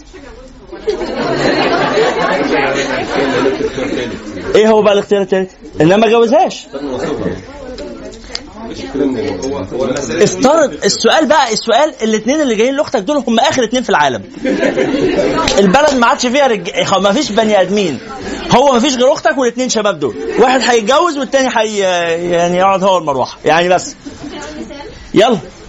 كان عندنا القوي اللي غير أمين واتقام عليه ثورة. وبعدين اخترنا الأمين اللي غير قوي اتشال. ولبسنا بدل الأمين ورا القوي أنا ما أعرفش بتتكلمي عن إيه ومش عايز أعرف وده لا يمثلني يعني ده ده كلام غريب وملخبط يعني حتى مش واضح المعالم و ما أنا ما سمعتش كويس يعني بغض النظر كلام غير واضح وأنا مش قادر أفهمه ما أعرفش إيه علاقته بينا أصلا يعني. اتفضلي يا فندم. هو أنا أقول حاجة. دايما ذكر في الآيات أو كده إن القوة بتيجي الأول قبل الأمانة. فأنا أعتقد إن إحنا لازم نختار ال- القوة الأول الاختيار الأول. لأن الأمين ده هيسامحنا في الآخر. يعني على على الترتيب يعني أنتوا حسيتوا بالمعضلة صح؟ أنا مش عايز أوصل لنتيجة. أنا عايز نحس بالمعضلة الأول. هنوصل لنتيجة طبعا. في قاعدة بتنظم. ممكن نسمع بعض؟ رجاء رجاء الامين ممكن يبقى قوي ممكن مش فاهم. يا جماعة صدق اتفضلي يا فندم. يعني إيه؟ يعني هو عنده أمانة بس ما عندوش قوة ممكن مع. آه يعني القوة ممكن تكتسب. لكن القوة ممكن تكتسب لكن الأمانة لا يمكن تكتسب. غير ممكن يستعين بالقوي الأمين ممكن يستعين بالقوي.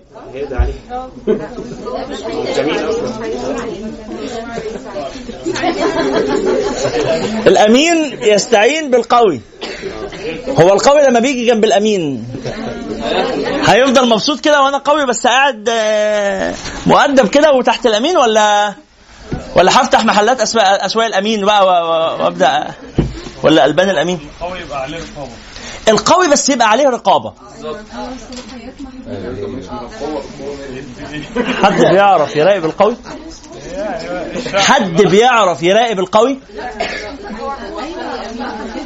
المفروض واقف على حدد له صلاحياته. إحنا نعمل مجلس رئاسي مدني. تصدق فكرة وجديدة. ما حدش فكر فيها قبل كده برضه. تحسها إيه مبتكرة كده ووليده اللحظة. أختنا.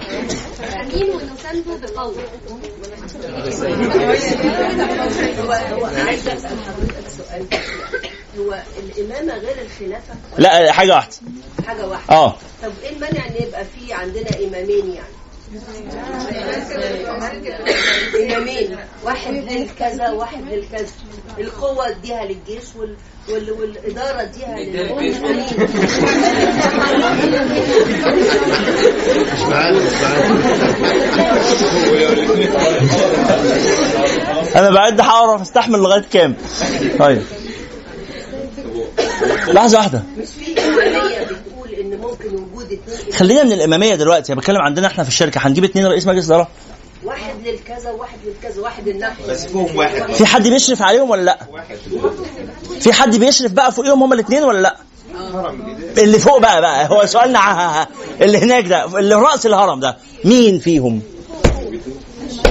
عندنا في التاريخ كان دايما بيختاروا ال- الخليفة. مش دايما مش دايما مش دايما.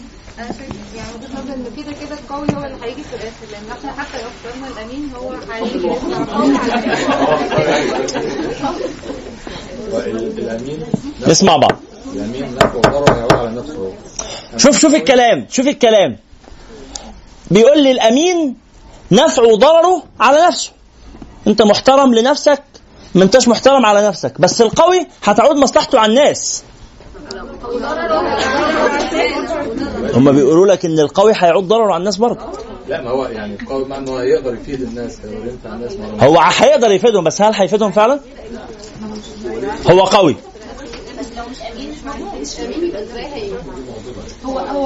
طيب هو ليه إحنا على افتراض ان الامين ما عندوش قوه اكتبوا لو سمحتوا لو سمحتوا. اكتبوا الملاحظة دي طيب. اكتبوا الملاحظة دي.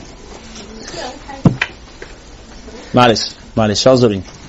بنقول اجتماع القوة والأمانة في الناس قليل. فيكون الاختيار في كل ولاية في كل ولاية يعني في كل مهمة يعني. خلينا نقول في كل مهمة في كل ولاية ده التعبير القديم. ممكن نقول دلوقتي بالاصطلاح المعاصر فيكون الاختيار في كل مهمة حسب متطلبات المهمة ومقتضيات المرحلة. المهمة دي محتاجة أنهي أكتر؟ والمرحلة اللي إحنا فيها محتاجة أنهي أكتر؟ حسب مقتضيات المهمة حسب مقتضيات المهمة و ومتطلبات المهمة ومقتضيات المرحلة. ده قول ابن تيمية. هذا قول شيخ الإسلام ابن تيمية في السياسة الشرعية. كتاب السياسة الشرعية. يعني يعني تخيلوا معايا لو إحنا في وقت البلد بتعاني من انتشار قطاع الطرق والمفسدين في الأرض وأعدائنا في الخارج بيترصدوا لنا والمشاكل دي إحنا بنواجه مشكلات كتيرة متعلقة بعدم استقرار الأمن. هنغلب الأمين ولا هنغلب القوي؟ هنغلب القوي، لا إحنا في وقت تاني الحمد لله الأوضاع مستقرة والبلد تمام بس في فتن فكرية كتيرة والناس دينها مضطرب ودينها مهزوز و... و... و... و... وستضل بسبب إنه تفتن في دينها بسبب عدم وجود إمام مهتدي صالح. ها؟ هيبقى الأولى في هذه الحالة إن إحنا نختار؟ يعني مثلا عندنا في الشركة الموظفين الشركة الوضع مستقر بس الموظفين همتهم منخفضة. الإدارة مظبوطة بس الهمة نازلة. هنختار ساعتها الأكفأ اداريا اللي هو بيمشي بيمشي ناس بالكرباج عشان ينجزوا ولا هنجيب اللطيف اللي الناس بتحبه وبيحبوه وبي... بي- وبيحبهم؟ الإدارة مظبوطة بس الناس همتها منخفضة. بس الناس عاملة اللي عليها. بس الروح العامة مش حلوة في الشركة. الأولى إن إحنا نجيب اللطيف ولا نجيب اللي بيكربج؟ نجيب اللطيف. طب لا الموظفين قلبينها ميغا لا اللي يجيب اللي بيكربج بقى أنتوا مش فهمتوا الفكرة دي؟ يبقى على حسب الوظيفة. معلش لحظة. على حسب المهمة وعلى حسب مقتضيات الإيه؟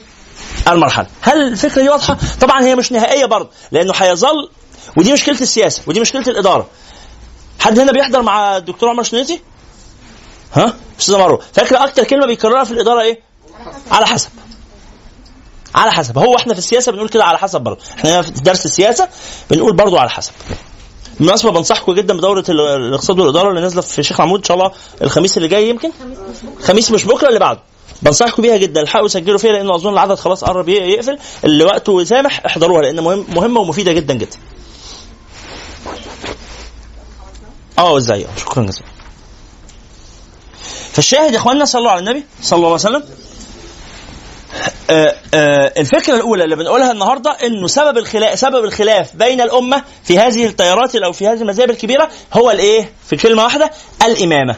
الفكرة اللي بعدها ما هي الإمامة؟ هي النيابة عن صاحب الشريعة في رعاية شؤون الدين والدنيا. الفكرة الثالثة الفكرة الثالثة هل يجب أن يكون هناك إمام؟ هل يجب أن يكون هناك بمفهوم بالمفهوم ده أو بأي مفهوم هل لازم يبقى فيه إمام؟ لا مش لازم هو واجب عقلي مش واجب شرعي واجب عقلي إن يبقى فيه امام؟ هل الناس يا جماعة ده سؤال. ده سؤال ده سؤال. هل الناس ممكن تمشي أمورها من غير حاكم؟ إحنا حلوين مع بعض وهنحب بعض وهنتبسط وملناش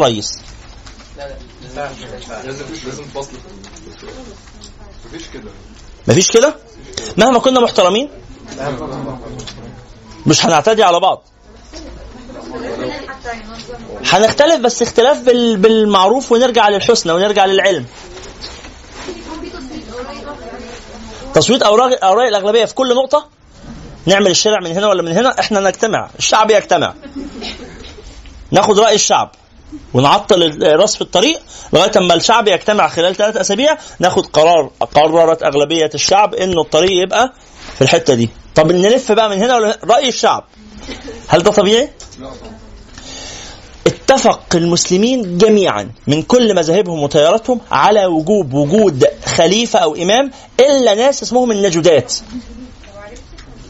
فريق واحد أو مذهب أو فرقة من الخوارج رأي واحد بس قال مش لازم يبقى فيه خليفة. في واحد مهم جدا في السياسة اسمه مونتسكيو. مونتسكيو. النجدات. مونتسكيو يا جماعة مين عارف مونتسكيو؟ واحد؟ الله يفتح عليكي. مونتسكيو اللي هو بتاع آه، صاحب آه، فكرة أو مبدأ الفصل بين السلطات. ده آه، عالم وسياسي فرنسي وهو واحد من الناس اللي في الثورة ال- الفرنسية من منظري وقاده الثورة الفرنسية. كاتب كتاب يعني جميل اسمه الرسائل الفارسية. الرسائل الفارسية. كتاب الرسائل الفارسية بتاع مونتسكيو ده ببساطة أو باختصار بيتخيل فيه هو كان كاتبه باسم مستعار ساعتها. بيتخيل فيه إنه اتنين إنه في شاب فرنسي ذهب إلى إيران إلى بلاد الشرق بلاد الإسلام عشان يشوف الحضارة اللي عندهم اللي عند المسلمين وبعدين بيبعت رسائل لصديقه اللي لسه قاعد في باريس حيث الهمجية وال- والفوضى ويقول له انظر إلى حضارة الشرق. فهمتوا الفكرة دي؟ حاول أن تقتدي بهذه الحضارة. عايزين نعمل زي كده عندنا. ففي النص بيشتم باريس طبعا وبيشتم فرنسا بس هو بيشتمها شتيمة الإيه؟ شتيمة المحب. هو ابن هذه البيئة ابن هذا البلد. بيقول تعالوا نبقى متمدنين زي الناس المتد... المتمدنين دول. الكلام ده 1700 1650 مثلا. الحدود دي يعني من 1650 ل 1700 لا ل 1000 ل 1680 من 1650 ل 1680 في الس- تل- 30 سنة دول. لا أنا بس حبيت أضيق المدى من من 50 إلى 30 سنة. فمن 1750 من 1650 إلى 1680 كانت فترة كتابة الرسائل الفارسية. هي جديره الحقيقة إن أنتوا تبصوا عليها اللي بيحب الأدب هيحبها هي يمكن 450 أو 500 رسالة حاجة زي كده. آه كل رسالة صفحة أو نص صفحة. رسالة رسائل ظريفة قوي يعني. في واحدة من أو في اثنين من الرسائل دي كان بيناقش فكرة هل يمكن الناس يعيشوا من غير آه، سيد أو من غير قائد؟ فبيقول إن المجتمعات لو هي راقية جدا في العقل والثقافة والفكر وكده لن تحتاج إلى قائد. لكن هو الأغلب في الناس تمام العقول ولا ضعف العقول؟ الأغلب في الناس تحكيم المصلحة ولا تحكيم الرغبات الشخصية والأهواء؟ الأغلب في الناس تحكيم الرغبات الشخصية والأهواء.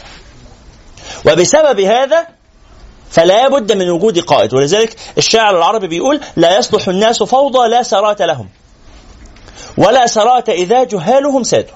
السراء يعني القادة. لا يصلح الناس فوضى لا سرات لهم يعني لا قادة لهم. ما ينفعش الناس يعيشوا بلا قائد. ما ينفعش. ولا سرات إذا جهالهم سادوا. يعني لو أصبح القادة هم الجهلاء ما بقتش قيادة. ما بقتش قيادة بقت ميغ واضح الكلام؟ طيب. فبنقول أول فكرة قلناها النهاردة هي ما سبب الخلاف؟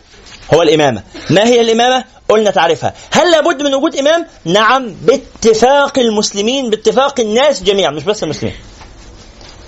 لابد من وجود إمام باتفاق الناس جميعا.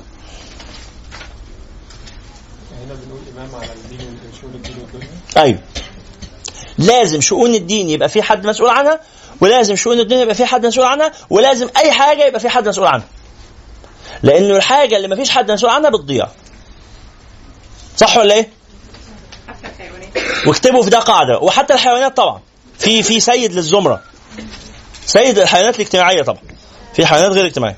حضرتك قلت إن إن القوة والأمانة على حسب حالة المجتمع دلوقتي محتاج إيه. طب لو لو كان ناقص الاثنين يعني لو كان ناقص في المجتمع في الفترة دي في قطاع طرق و- وبرضه الجهل بامور الدين برضه. زي ما قلنا بقى يعني أنهي أنهي الخطورة الأكبر؟ أنهي الخطورة الأكبر؟ اكتبوا القاعدة دي. الدين اصل دي قاعدة عند الإمام الغزالي حجة الإسلام. بيقول الدين أصل. والسلطان حارس. الدين أصل. والسلطان حارس. وما لا أصل له فمهدوم.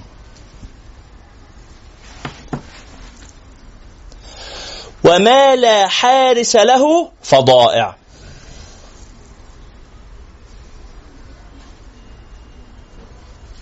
الدين هو الأصل الذي تبنى عليه الحضارة. فلو الحضارة ما فيش دين يبقى هي مبنية على غير أصل يبقى هتنهدم. ما لا أصل له فمهدوم. والسلطان حارس. بنينا البنيان. مين يحرسه؟ السلطان. لو ما فيش سلطان ما فيش حارس هيضيع الحق. أي حاجة. ليس لها ليس عليها سلطان يبقى ليس عليها حارس يبقى هي ضائعة. قول الكلام ده بقى على كافه المسلمين زي ما أختنا بقى حتى الحيوانات. طيب. المقولة دي على أي عقيدة ولا آه آه؟ على أي عقيدة. أي حضارة. أي حضارة. قايمه على فكرة. فلو حضارة على لا فكرة هتنهار هتنتهي. طيب يا إخوان الملك أو ال- الإمارة أو الإمامة تاني الإمامة دي اللي هي ال- ال- المناصب العامة أو إدارة الشؤون العامة. الإمامة ثلاث أنواع. ابن خلدون بيقول الإمامة ثلاث أنواع. أو الملك ثلاث أنواع. حاجة بيسميها الملك الطبيعي وحاجة تانية اسمها الملك السياسي وحاجة اسمها الملك النبوي. الطبيعي والسياسي والنبوي. إيه هو الملك الطبيعي؟ الغزالي لما قال الدين اصل الغزالي القديم ولا القديم؟ آه. لما بنقول الإمام الغزالي طبعا يبقى القديم. ولو الجديد بنقول الشيخ الغزالي. ماشي؟ لو بنتكلم على الإمام يبقى الإمام الغزالي أبو حامد حجة الإسلام متوفى 105 آه، متوفى 505 505 هجرية. خلاص هو ده صاحب هذا الكلام. يبقى نرجع تاني. بنقول؟ قلنا إيه؟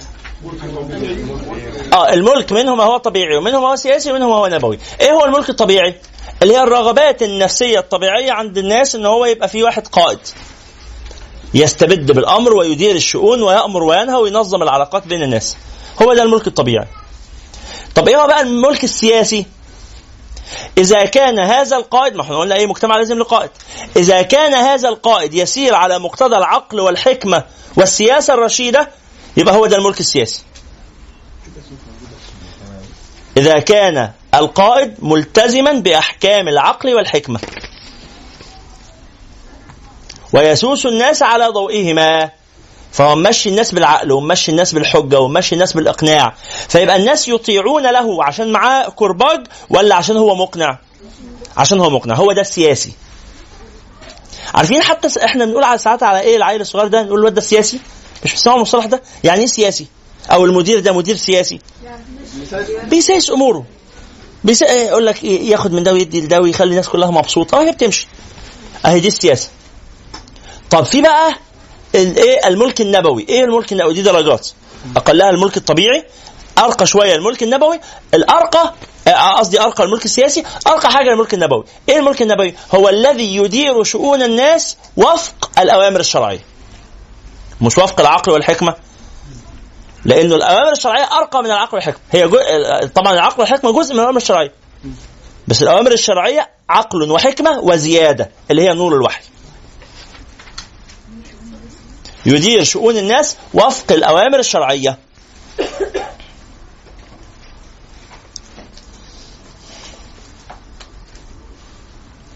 طيب كده إحنا قلنا كام فكرة لغاية دلوقتي؟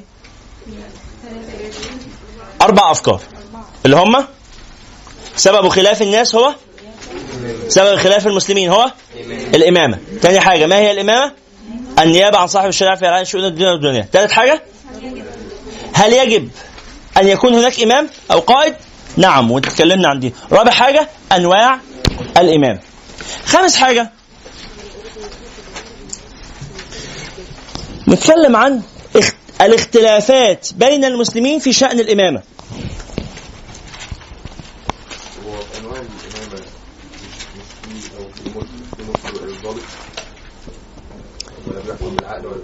ما هو ده اللي هو الملك الطبيعي.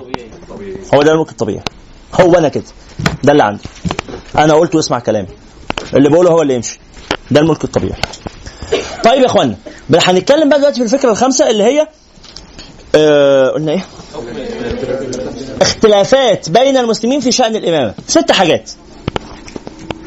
أول حاجة اختلفوا في تعدد الأئمة. هل ممكن يبقى في أكتر من إمام؟ الفكرة اللي أختنا قالت عليها من شوية. هل ممكن يبقى في أكتر من إمام في نفس الوقت؟ إيه رأيكم؟ ينفع ولا ما ينفعش؟ المركب اللي بريسين بتغرق. إيه؟ المركب اللي بريسين المركب اللي بريسين بتغرق. بالضرورة؟ مش بالضرورة؟ إزاي طيب؟ لو. كل بلد بالضروره وليها إمام فنبقى فرقنا المسلمين؟ بالضروره نبقى فرقنا المسلمين كده؟ صح؟ هو أنا مالي مال دلوقتي؟ يا جماعة لحظة واحدة بس. إحنا بنتكلم دلوقتي سنة آه، 10 هجرية ساعة وفاة النبي صلى الله عليه وسلم. المسلمين إيد واحدة ممكن فكرة ان حد كويس في جزء وحد كويس في جزء يعني هما هما الاثنين بيديروا امور المسلمين بس حد كويس ممكن واحد يبقى تخصصات واحد مثلا هيدير شؤون المية وواحد هيدير شؤون الزراعة أو واحد مثلا هيدير شؤون الزراعة وواحد يدير الصناعة. هل في حد لازم يبقى يشرف عليهم هما الاثنين يعني هنا في مصر في الامام الازهر وفي ال- ال- الرئيس يبقى في امامين لا ده ناحيه دينيه وده ناحيه سياسيه وهو مش في واحد منهم بيرأس التاني ولا الاثنين جنب بعض بالظبط؟ مش في واحد فيهم يا اخوانا شيخ الأزهر ورئيس الجمهورية أو بابا الفاتيكان و, و, و ورئيس ال- الدولة رئيس روما مثلا. زي البيت يا شيخ هي ليها حاجات بس في الآخر لما بيختلفوا في حد ليه سلطة أعلى ولا الاثنين زي بعض؟ في حد ليه سلطة أعلى؟ طيب في خلاف في تعدد ال ال الأئمة. جمهور علماء ال ال الإسلام اللي اتكلموا في مسألة السياسة والحاجات دي الجمهور ده بنسبة يعني تفوق ال 90% قالوا لا يجوز تعدد الأئمة. الإمام واحد لأن إحنا مش هنفرق المسلمين. لو قلنا إن كل بلد ليها إمام بعد شوية هيبقى إيه؟ وفي إمام لمدينة نصر. هو وإمام التجمع الخامس وإمام الحي السادس وإمام اسم النزهة. وهيبقى عندنا خمسين ألف خليفة. أنا إمام جمهورية نفسي. أنا و- وأصحابي في العمارة هنجمع مع بعض ودي خلافة مستقلة. العمارة عندنا. إيه؟ ننفصل نبقى جمهورية مدينة نصر. صح؟ أو جمهورية الحي السادس. أو جمهورية آه، العمارتين. جمهورية آه، تحيا جمهورية عمارة الصفا المستقلة.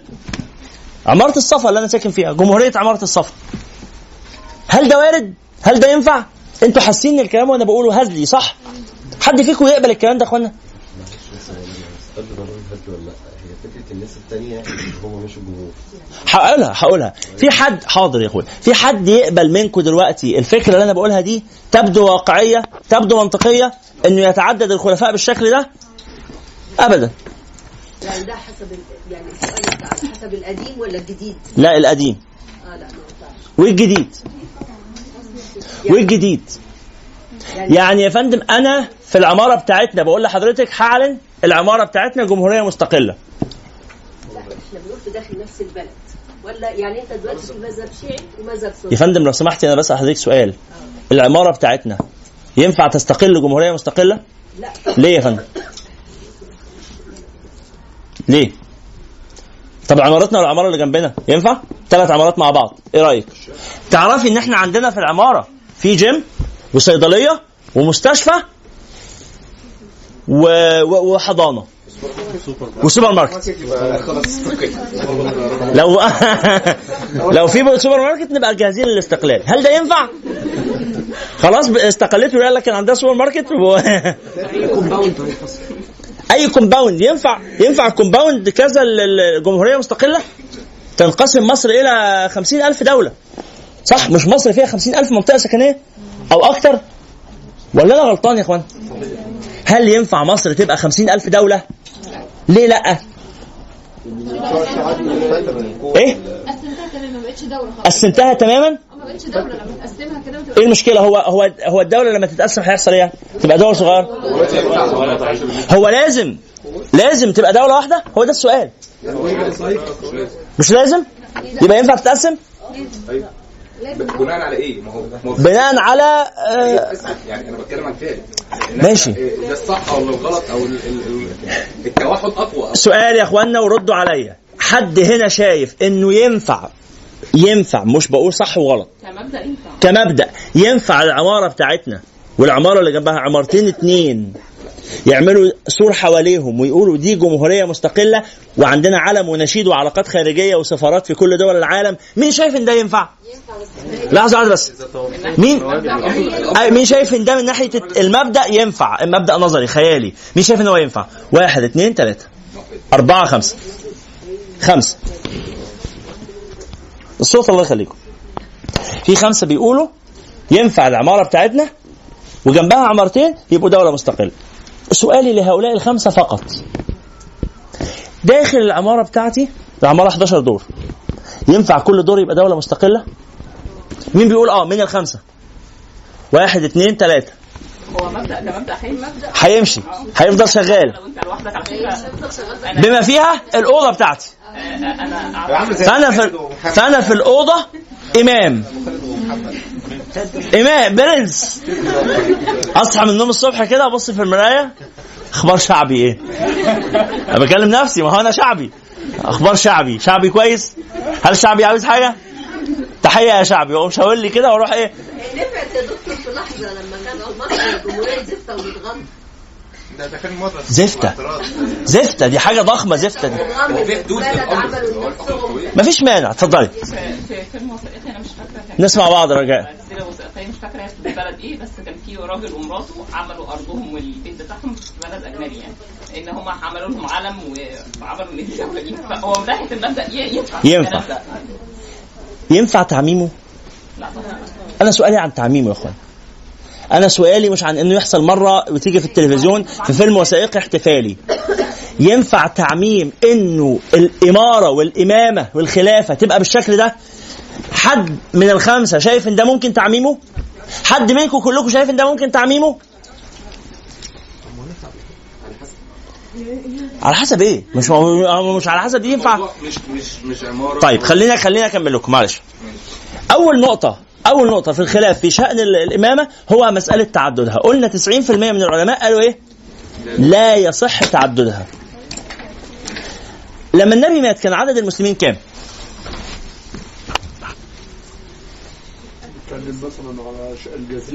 لما النبي مات كان عدد المسلمين نفس عدد سكان 6 أكتوبر. منطقة 6 أكتوبر أو منطقة التجمع الخامس. 100000 100 150000 150000 فال 150000 دول اللي هي التجمع الخامس دولة التجمع الخامس. واقعي وعملي ومنطقي إن أنا أقول إن هي هتتقسم دول آه، صغيرة. دولة المجاورة الخامسة ودولة المجاورة السادسة. طبيعي ده. فجمهور العلماء على منع تعدد الخلفاء. لازم الخليفة يبقى واحد بس. دي الفكرة الأصلية. طيب لما اتسعت رقعة العالم الإسلامي شملت بقى التجمع الخامس والتجمع الثالث ومدينة ناصر ودخل الإسلام الحمد لله مصر الجديدة ووصل الإسلام إلى إمبابة والجيزة وما إلى ذلك. لما اتسعت رقعة العالم الإسلامي بدأت تظهر الفكرة بتاعت الجداد دول اللي هم العشرة في المية بقى. قالوا يجوز 10% من العلماء عدد قليل من العلماء قلة من العلماء قالت يجوز تعدد الخلفاء بشرط أن يكون لكل منهم مكان. ما يبقوش اتنين خلفاء في بلد واحد. أن يكون لكل منهم إيه؟ مكان. مع تباعد هذه الأماكن. لأن لو المكانين جنب بعض ما إحنا نضمهم على بعض. عارفين الاحتياج ده ظهر إمتى؟ ظهر سنة 142 هجرية. اللي هي الدولة الأموية غلط الأموية الدولة الأموية لما راح عبد الرحمن الداخل إلى آه، الأندلس وعمل خلافة أموية هناك مش مشكلة براحتك عمل خلافة أموية في... لا مدد عمل خلافة أموية في الأندلس أثناء ما في خلافة عباسية في بغداد المسافة يا جماعة ما بين العراق. وأسبانيا عاملة إزاي؟ كبيرة جدا صح؟ هل يستطيع الخليفة اللي في بغداد إن هو يدير الشؤون بدقة وكفاءة اللي موجودة هناك في الأندلس؟ ممكن بس هيبقى صعب قوي. صح ولا إيه؟ فلما يبقى في هناك خليفة مستقل وهنا خليفة مستقل والاثنين أمورهم ماشية، الفكرة دي محققة المصلحة ولا مش محققة؟ محققة. حتى لو مش واحد تبع واحد ممكن ممكن ممكن يعني عبد الرحمن ماشي. لا عبد الرحمن الداخل مش تابع الخليفة. عبد الرحمن الداخل مستقل. مش تابع طبعا تابع لمين؟ لم يكن تابع للخلافة الأموية؟ اللي هو الخلافة الأموية انتهت خلاص. آخر خليفة أموي ع- مروان بن محمد مروان الحمار قتل في المشرق خلاص. مفيش خلافة أموية. في الوقت ده في المشرق في خلافة عباسية. هو قاعد هناك في, ال- في الأندلس لوحده مش تبع حد هو تبع نفسه. مش إحنا قلنا كل واحد في بلد أيوة بس هيبقى المسلمين في البلد دي بيتبعوا اكتبوا بقى معايا. الناس اللي قالوا بجواز تعدد الخلفاء قالوا ثلاث شروط. بجواز تعدد الخلفاء. الشرط الأول ابتعاد المكان. قلنا من شوية. الشرط الثاني عدم الاقتتال. مش الخليفة ده؟ إيه يحارب الخليفة ده. الشرط الثالث عدم التكفير كل واحد عايز فرده بس ما يكفرش التاني. أنا ممكن أكون ما بقتتلش بس بقول عليه كافر بس ما بقت... ما بقاتلش معاه. ليه عدم التكفير؟ لأن مش إحنا جماعة المسلمين وأنا إمام المسلمين يبقى هو لما هم مش معانا يبقى هم مش من المسلمين. يبقى إحنا فرقنا المسلمين. ولو حصل منها الحزب إيه ولو حصل منها الحزب أنا حر. ما حدش هيحاسب طب ليه ما يكونوش كلهم في النهاية تحت لحظة واحدة بس يا اخوانا إحنا بنقول دلوقتي عشان بس ننظر الأسئلة. ال- اللي بنقوله ده ده الاجتهاد الفقهي أو الاجتهاد العلمي. أي اجتهاد في الدنيا علمي أو أو آه، رأي آه، شرعي لما حد بيقوله لو حد ما التزمش بيه يبقى آثم. بس هنعمله إيه؟ تدافع الدنيا. الناس مش هت... مش هتبقى مطيعة له. الناس هترى أن هذا غير حسن. بس أنت فاهمين اللي أنا بقوله؟ يعني إحنا بنقول ما حدش لحظة بنقول مثلا هل ينفع هل ينفع؟ تعدد الخلفاء؟ قلنا آه ينفع. من باب إيه؟ من باب تحقيق المصلحة. بس على فكرة الخل... اتنين خليفتين دول لو واحد فيهم قوي زيادة وتحققت له القوة وقاتل الخليفة الثاني هنقول إن هو حرام؟ لغاية لما ينتصر عليه. أول ما ينتصر عليه نقول إيه؟ خلاص الحمد لله انضم المسلمين في يد واحد. بشكل تاني. بشكل تاني. آه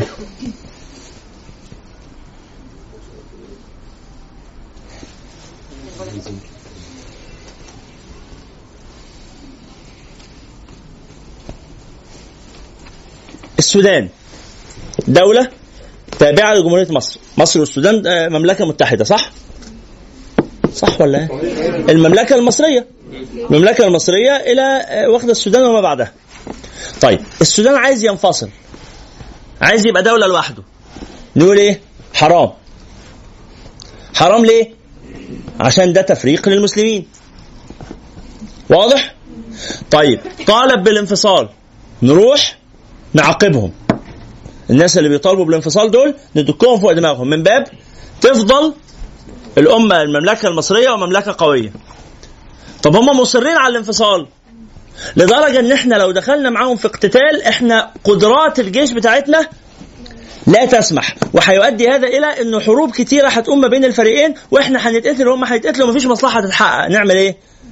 نقول له خلاص يا عم يلا ها ما يجراش حاجة. اعلنوا عندكم دولة بس بلاش نتحارب خلينا أصحاب. طب لو إحنا عندنا قدرة على وقد الحركة بتاعتهم دي هنوقدها ولا هنسيبها؟ هنوقدها. ليست عندنا القدرة خلاص هنسيبها ونقنن الأوضاع. بس ده ده كل المقصود لحظة. يبقى الاختلافات في الإمامة أول حاجة اختلاف في إيه؟ تعددها هل يمكن أن تتعدد؟ اللي قلنا الجمهور قال له ما ينفعش بس لما اتسعت رقعة العالم الإسلامي رجعنا قلنا آه ممكن ينفع تحقيقا للمصلحة. هل الفكرة دي واضحة؟ الفكرة الثانية الفكرة الثانية هي قرشية الخليفة. لا لا دي الفكرة دي الفكرة الثانية داخل اختلافات المسلمين في في الامامه اختلافات المسلمين في الامامه اللي هي الفكرة الخامسة في اللقاء النهارده. صح ولا؟ الفكرة الثانية فيها قرشية الخليفة. هل لازم الخليفة يبقى قرشي؟ خلاف. جمهور العلماء على وجوب أن يكون الخليفة قرشيا كده بقى ليه ثلاث شروط جمهور العلماء على وجوب أن يكون الخليفة من قريش لقول النبي صلى الله عليه وسلم الأئمة من قريش. جمهور يعني الأغلب. طيب هو اشتراط قرشية الإمام للمصلحة ولا للشرع؟ اشتراط قرشية الإمام للمصلحة ولا للشرع؟ خلاف. خلاف. بعض العلماء قالوا اشتراط قرشية الإمام أمر تعبدي. شرعي. والله النبي قال كده. أمر تعبدي غير معقول المعنى. والبعض الآخر غير معقول المعنى؟ آه. يعني إيه غير معقول المعنى يعني تعبدي. هو النبي أمرنا بكده. الإمام يبقى من قريش خلاص سمعا وطاعه يا رسول الله هنقول إيه؟ هو ده معنى يا جماعة أمر تعبدي. الأمر التعبدي اللي هو مش معروف له حكمة واضحة. يعني ليه الصلاة ليه الصلاة آه صلاة الظهر أربع ركعات؟ ردوا عليا. أمر تعبدي. ليه مش خمسة؟ ليه مش ثلاثة ليه مش ستة؟ تعبدي. فكون الخليفة قرشي هل ده تعبدي ولا معقول المعنى؟ تعبدي ده فريق من العلماء. فريق ثاني قال لا. الإمام لابد أن يكون قرشيا وهذا أمر هدف المصلحة مش هدف التعبد. وفي فريق ثالث قال لا. مش لازم أصلا الخليفة يبقى قرشي يبقى خلاصة الآراء. في قرشية الخليفة. كم رأي؟ ثلاث آراء. رأي قال لازم الخليفة يبقى قرشي. دي مسألة تعبدية. ورأي تاني بيقول لا مش لازم الخليفة يبقى قرشي. قصدي الرأي الثاني بيقول لازم الخليفة يبقى قرشي بس دي مسألة متعلقة بالمصلحة. يعني أنتم فاهمين المصلحة في كون الخليفة قرشي طبعا. بس أمر المصلحة معناه إن هو ممكن ما يبقاش لازم يبقى قرشي للمصلحة. طب افرض المصلحة اتغيرت؟ يبقى هيتغير. يبقى هيتغير. الرأي الثالث بيقول من الأول أصلا مش لازم يبقى قرشي هو إمتى الرسول صلى الله عليه وسلم قال آه، الائمه من قريش الحديث ده في, في المدينة بعد الهجرة. مش موضوعنا. يا جماعة أرجوكم أنا مش عايز أغوص مع كل تفصيلة إلى ما نهايه اعذرين يلا. كنت موجودة معانا المرة اللي فاتت؟ مش قلنا فكرة إن الناس تبعوا لهذا الحي من قريش؟ ما حضرتيش النقطة دي؟ جيتي متأخرة طب شوية أو حاجة؟ اسمعي التسجيل ما ما, ما عنديش حل تاني معلش. لأن إحنا ف... تفتكروا المرة اللي فاتت شرحناها أخذنا فيها نص ساعة مثلا. شرحناها كتير قوي المرة اللي فاتت. فأعذريني ارجعي اسمعي التسجيل هتلاقيها واضحه قوي فيها. لأن الناس تبعوا لهذا الحي من قريش. الناس ما تسمعش كلام حد غير قريشي العرب كده الناس اللي هم العرب. طيب معلش الناس اللي بتقول إن هو مش شرط هل بيشكوا في صحة الحديث؟ لا ما بيش بي- بيفسروه تفسير تاني. يبقى اذا الخلاف في الإمامة. في كم نقطة؟ ست نقط. أول نقطة هل تتعدد هل يتعدد الأئمة؟ قلنا خلاف. وطبعا في زماننا ده المفتى به والمعتمد دلوقتي والصحيح إنه الأئمة ينفع يتعددوا ولا ما ينفعش؟ لسه الخلاف قائم. لسه الخلاف قائم. والجمهور من العلماء على عدم جواز تعدد الخلفاء. فاللي موجودين دول كلهم مش موضوعنا. لأن الموجودين دول كلهم أصلا مش خلفاء عن إن هم يتعددوا. دي حاجة أنتم مش واخدين بالكم منها. أصلا ولا واحد فيهم ولا واحد بس واحد خليفة. صح ولا أنا غلطان؟ قبل ما تناقشني يتعددوا ولا ما يتعددوش هم في هم مين أصلا؟ فيبقى اللي موجودين دول حكام لكنهم مش خلفاء. وهم ما بيقولوش عن نفسهم خلفاء. يعني هل رئيس الجمهورية بيطلع بيقول أنا خليفة المسلمين؟ لا طبعا. في دي قصه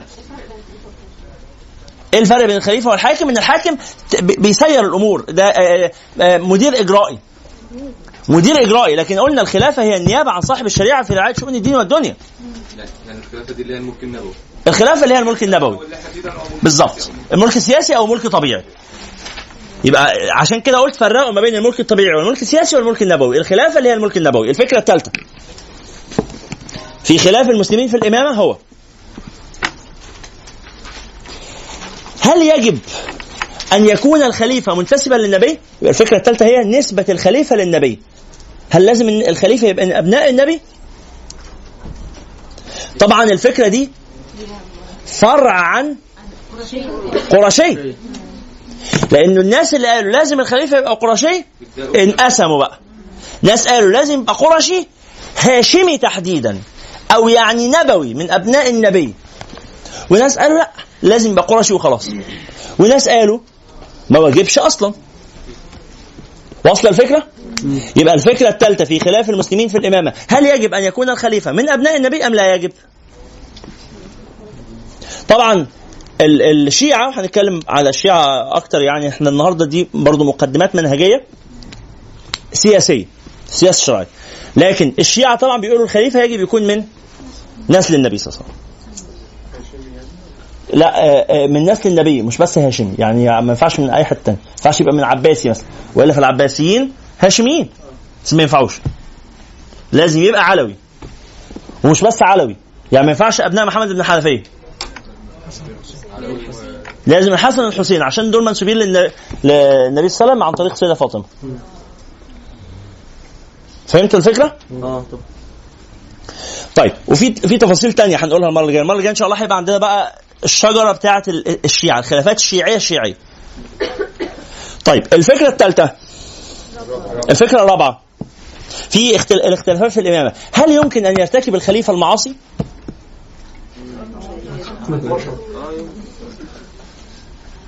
الشيعة بيقولوا الخليفة لا يرتكب المعاصي معصوم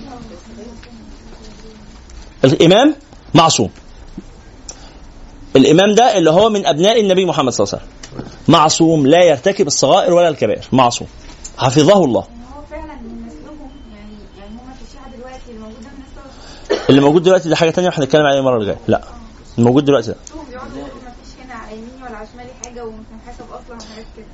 لا بيقولوا إن هم محاسبين. ما تستعجلش عليا بس. لا طبعا بيقولوا إن هم محاسبين وناس متدينين وكل حاجة. هنتكلم على ده المرة اللي جاية. ما تستعجلوش في الحكم. وصلنا لفين؟ الفكرة الثالثة هل يجب أن يكون الخليفة معصوم؟ قلنا الخلاف اللي فيها. طيب الفك... دي الفكرة الرابعة، الفكرة الخامسة هل يجوز أو هل تجوز خلافة أو إمامة المفضول مع وجود الفاضل؟ يعني ممكن اللي أقل رتبة يبقى حاكم في وقت موجود فيه الأعلى منه رتبة خلاف الرتبة اللي هي المكانة والمنزلة اجتماعيا ودينيا اجتماعيا ودينيا وعلميا وكفاءة ومهارات وإمكانيات وكل حاجة.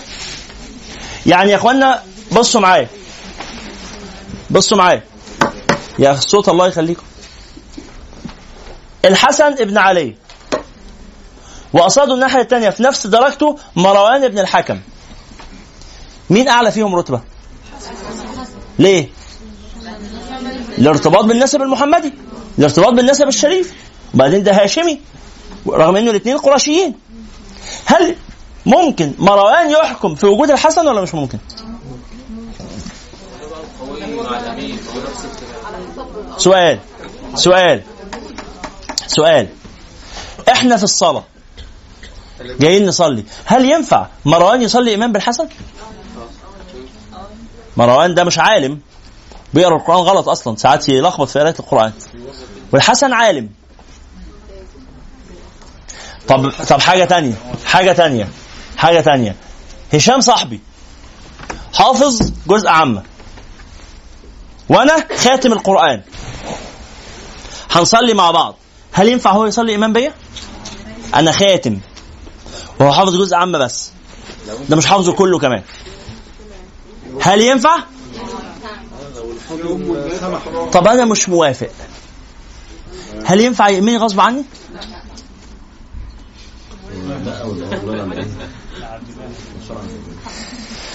طيب الفكرة ال- الخامسة معانا هي خلافة المفضول مع وجود الفاضل. قلنا فيها ثلاث آراء. ثلاث آراء. رأي بيقول لا تجوز خلافة المفضول أو إمامة المفضول الإمامة أوسع من الخلافة حتى إمامة الصلاة أي إمامة. لا تجوز إمامة المفضول مع وجود الفاضل مطلقا. ما ينفعش. هشام مين ده اللي يصلي بيه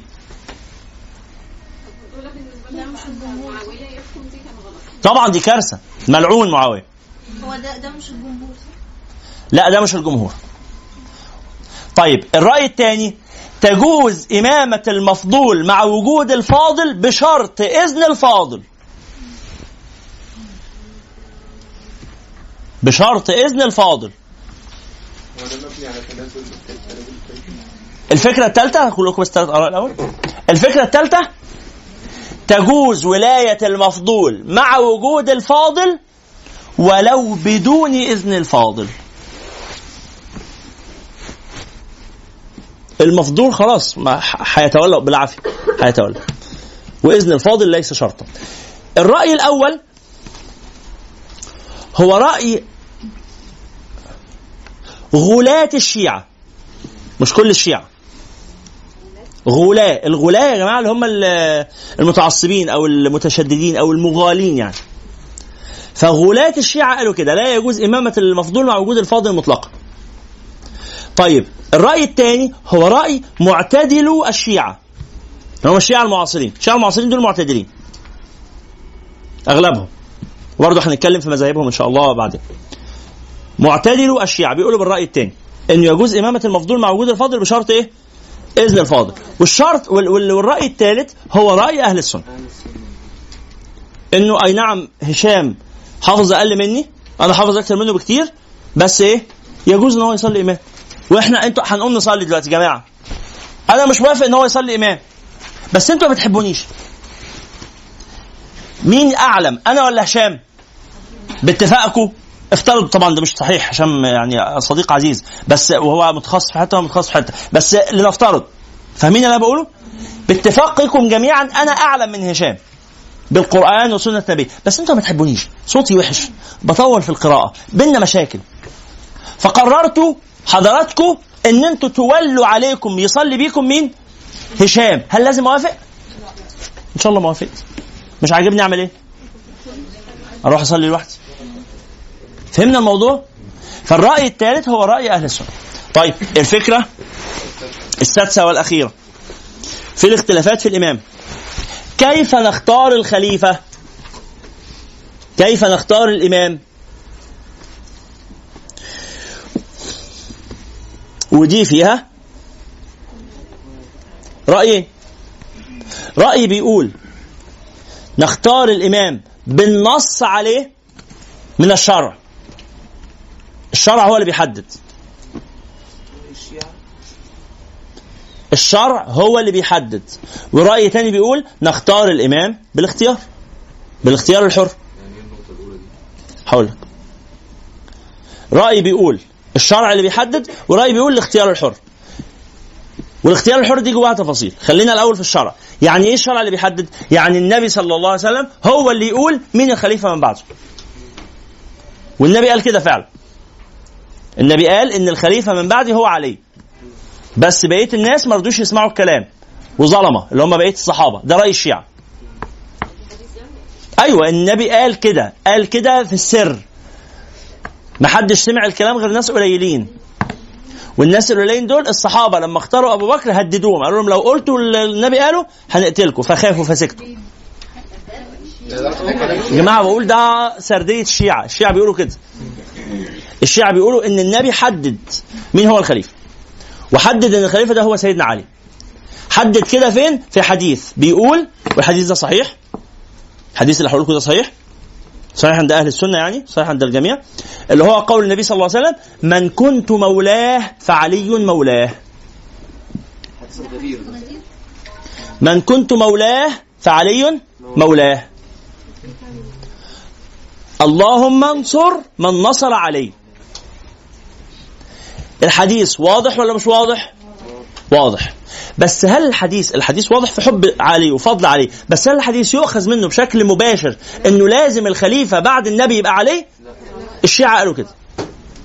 الشيعة قالوا إن الحديث ده واضح بس السنة قالوا لا هو الحديث بيقول يا جماعة اللي بيحبني يبقى بيحب هشام.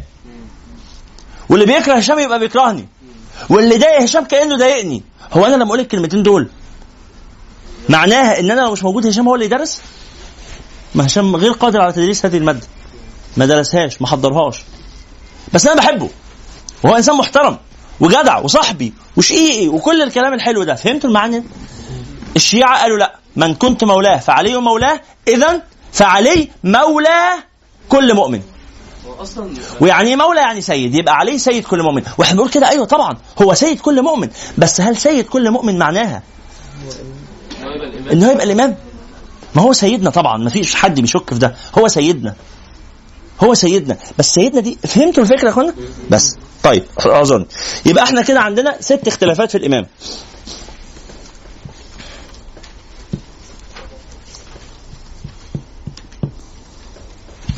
إحنا كده قلنا كام فكرة النهارده؟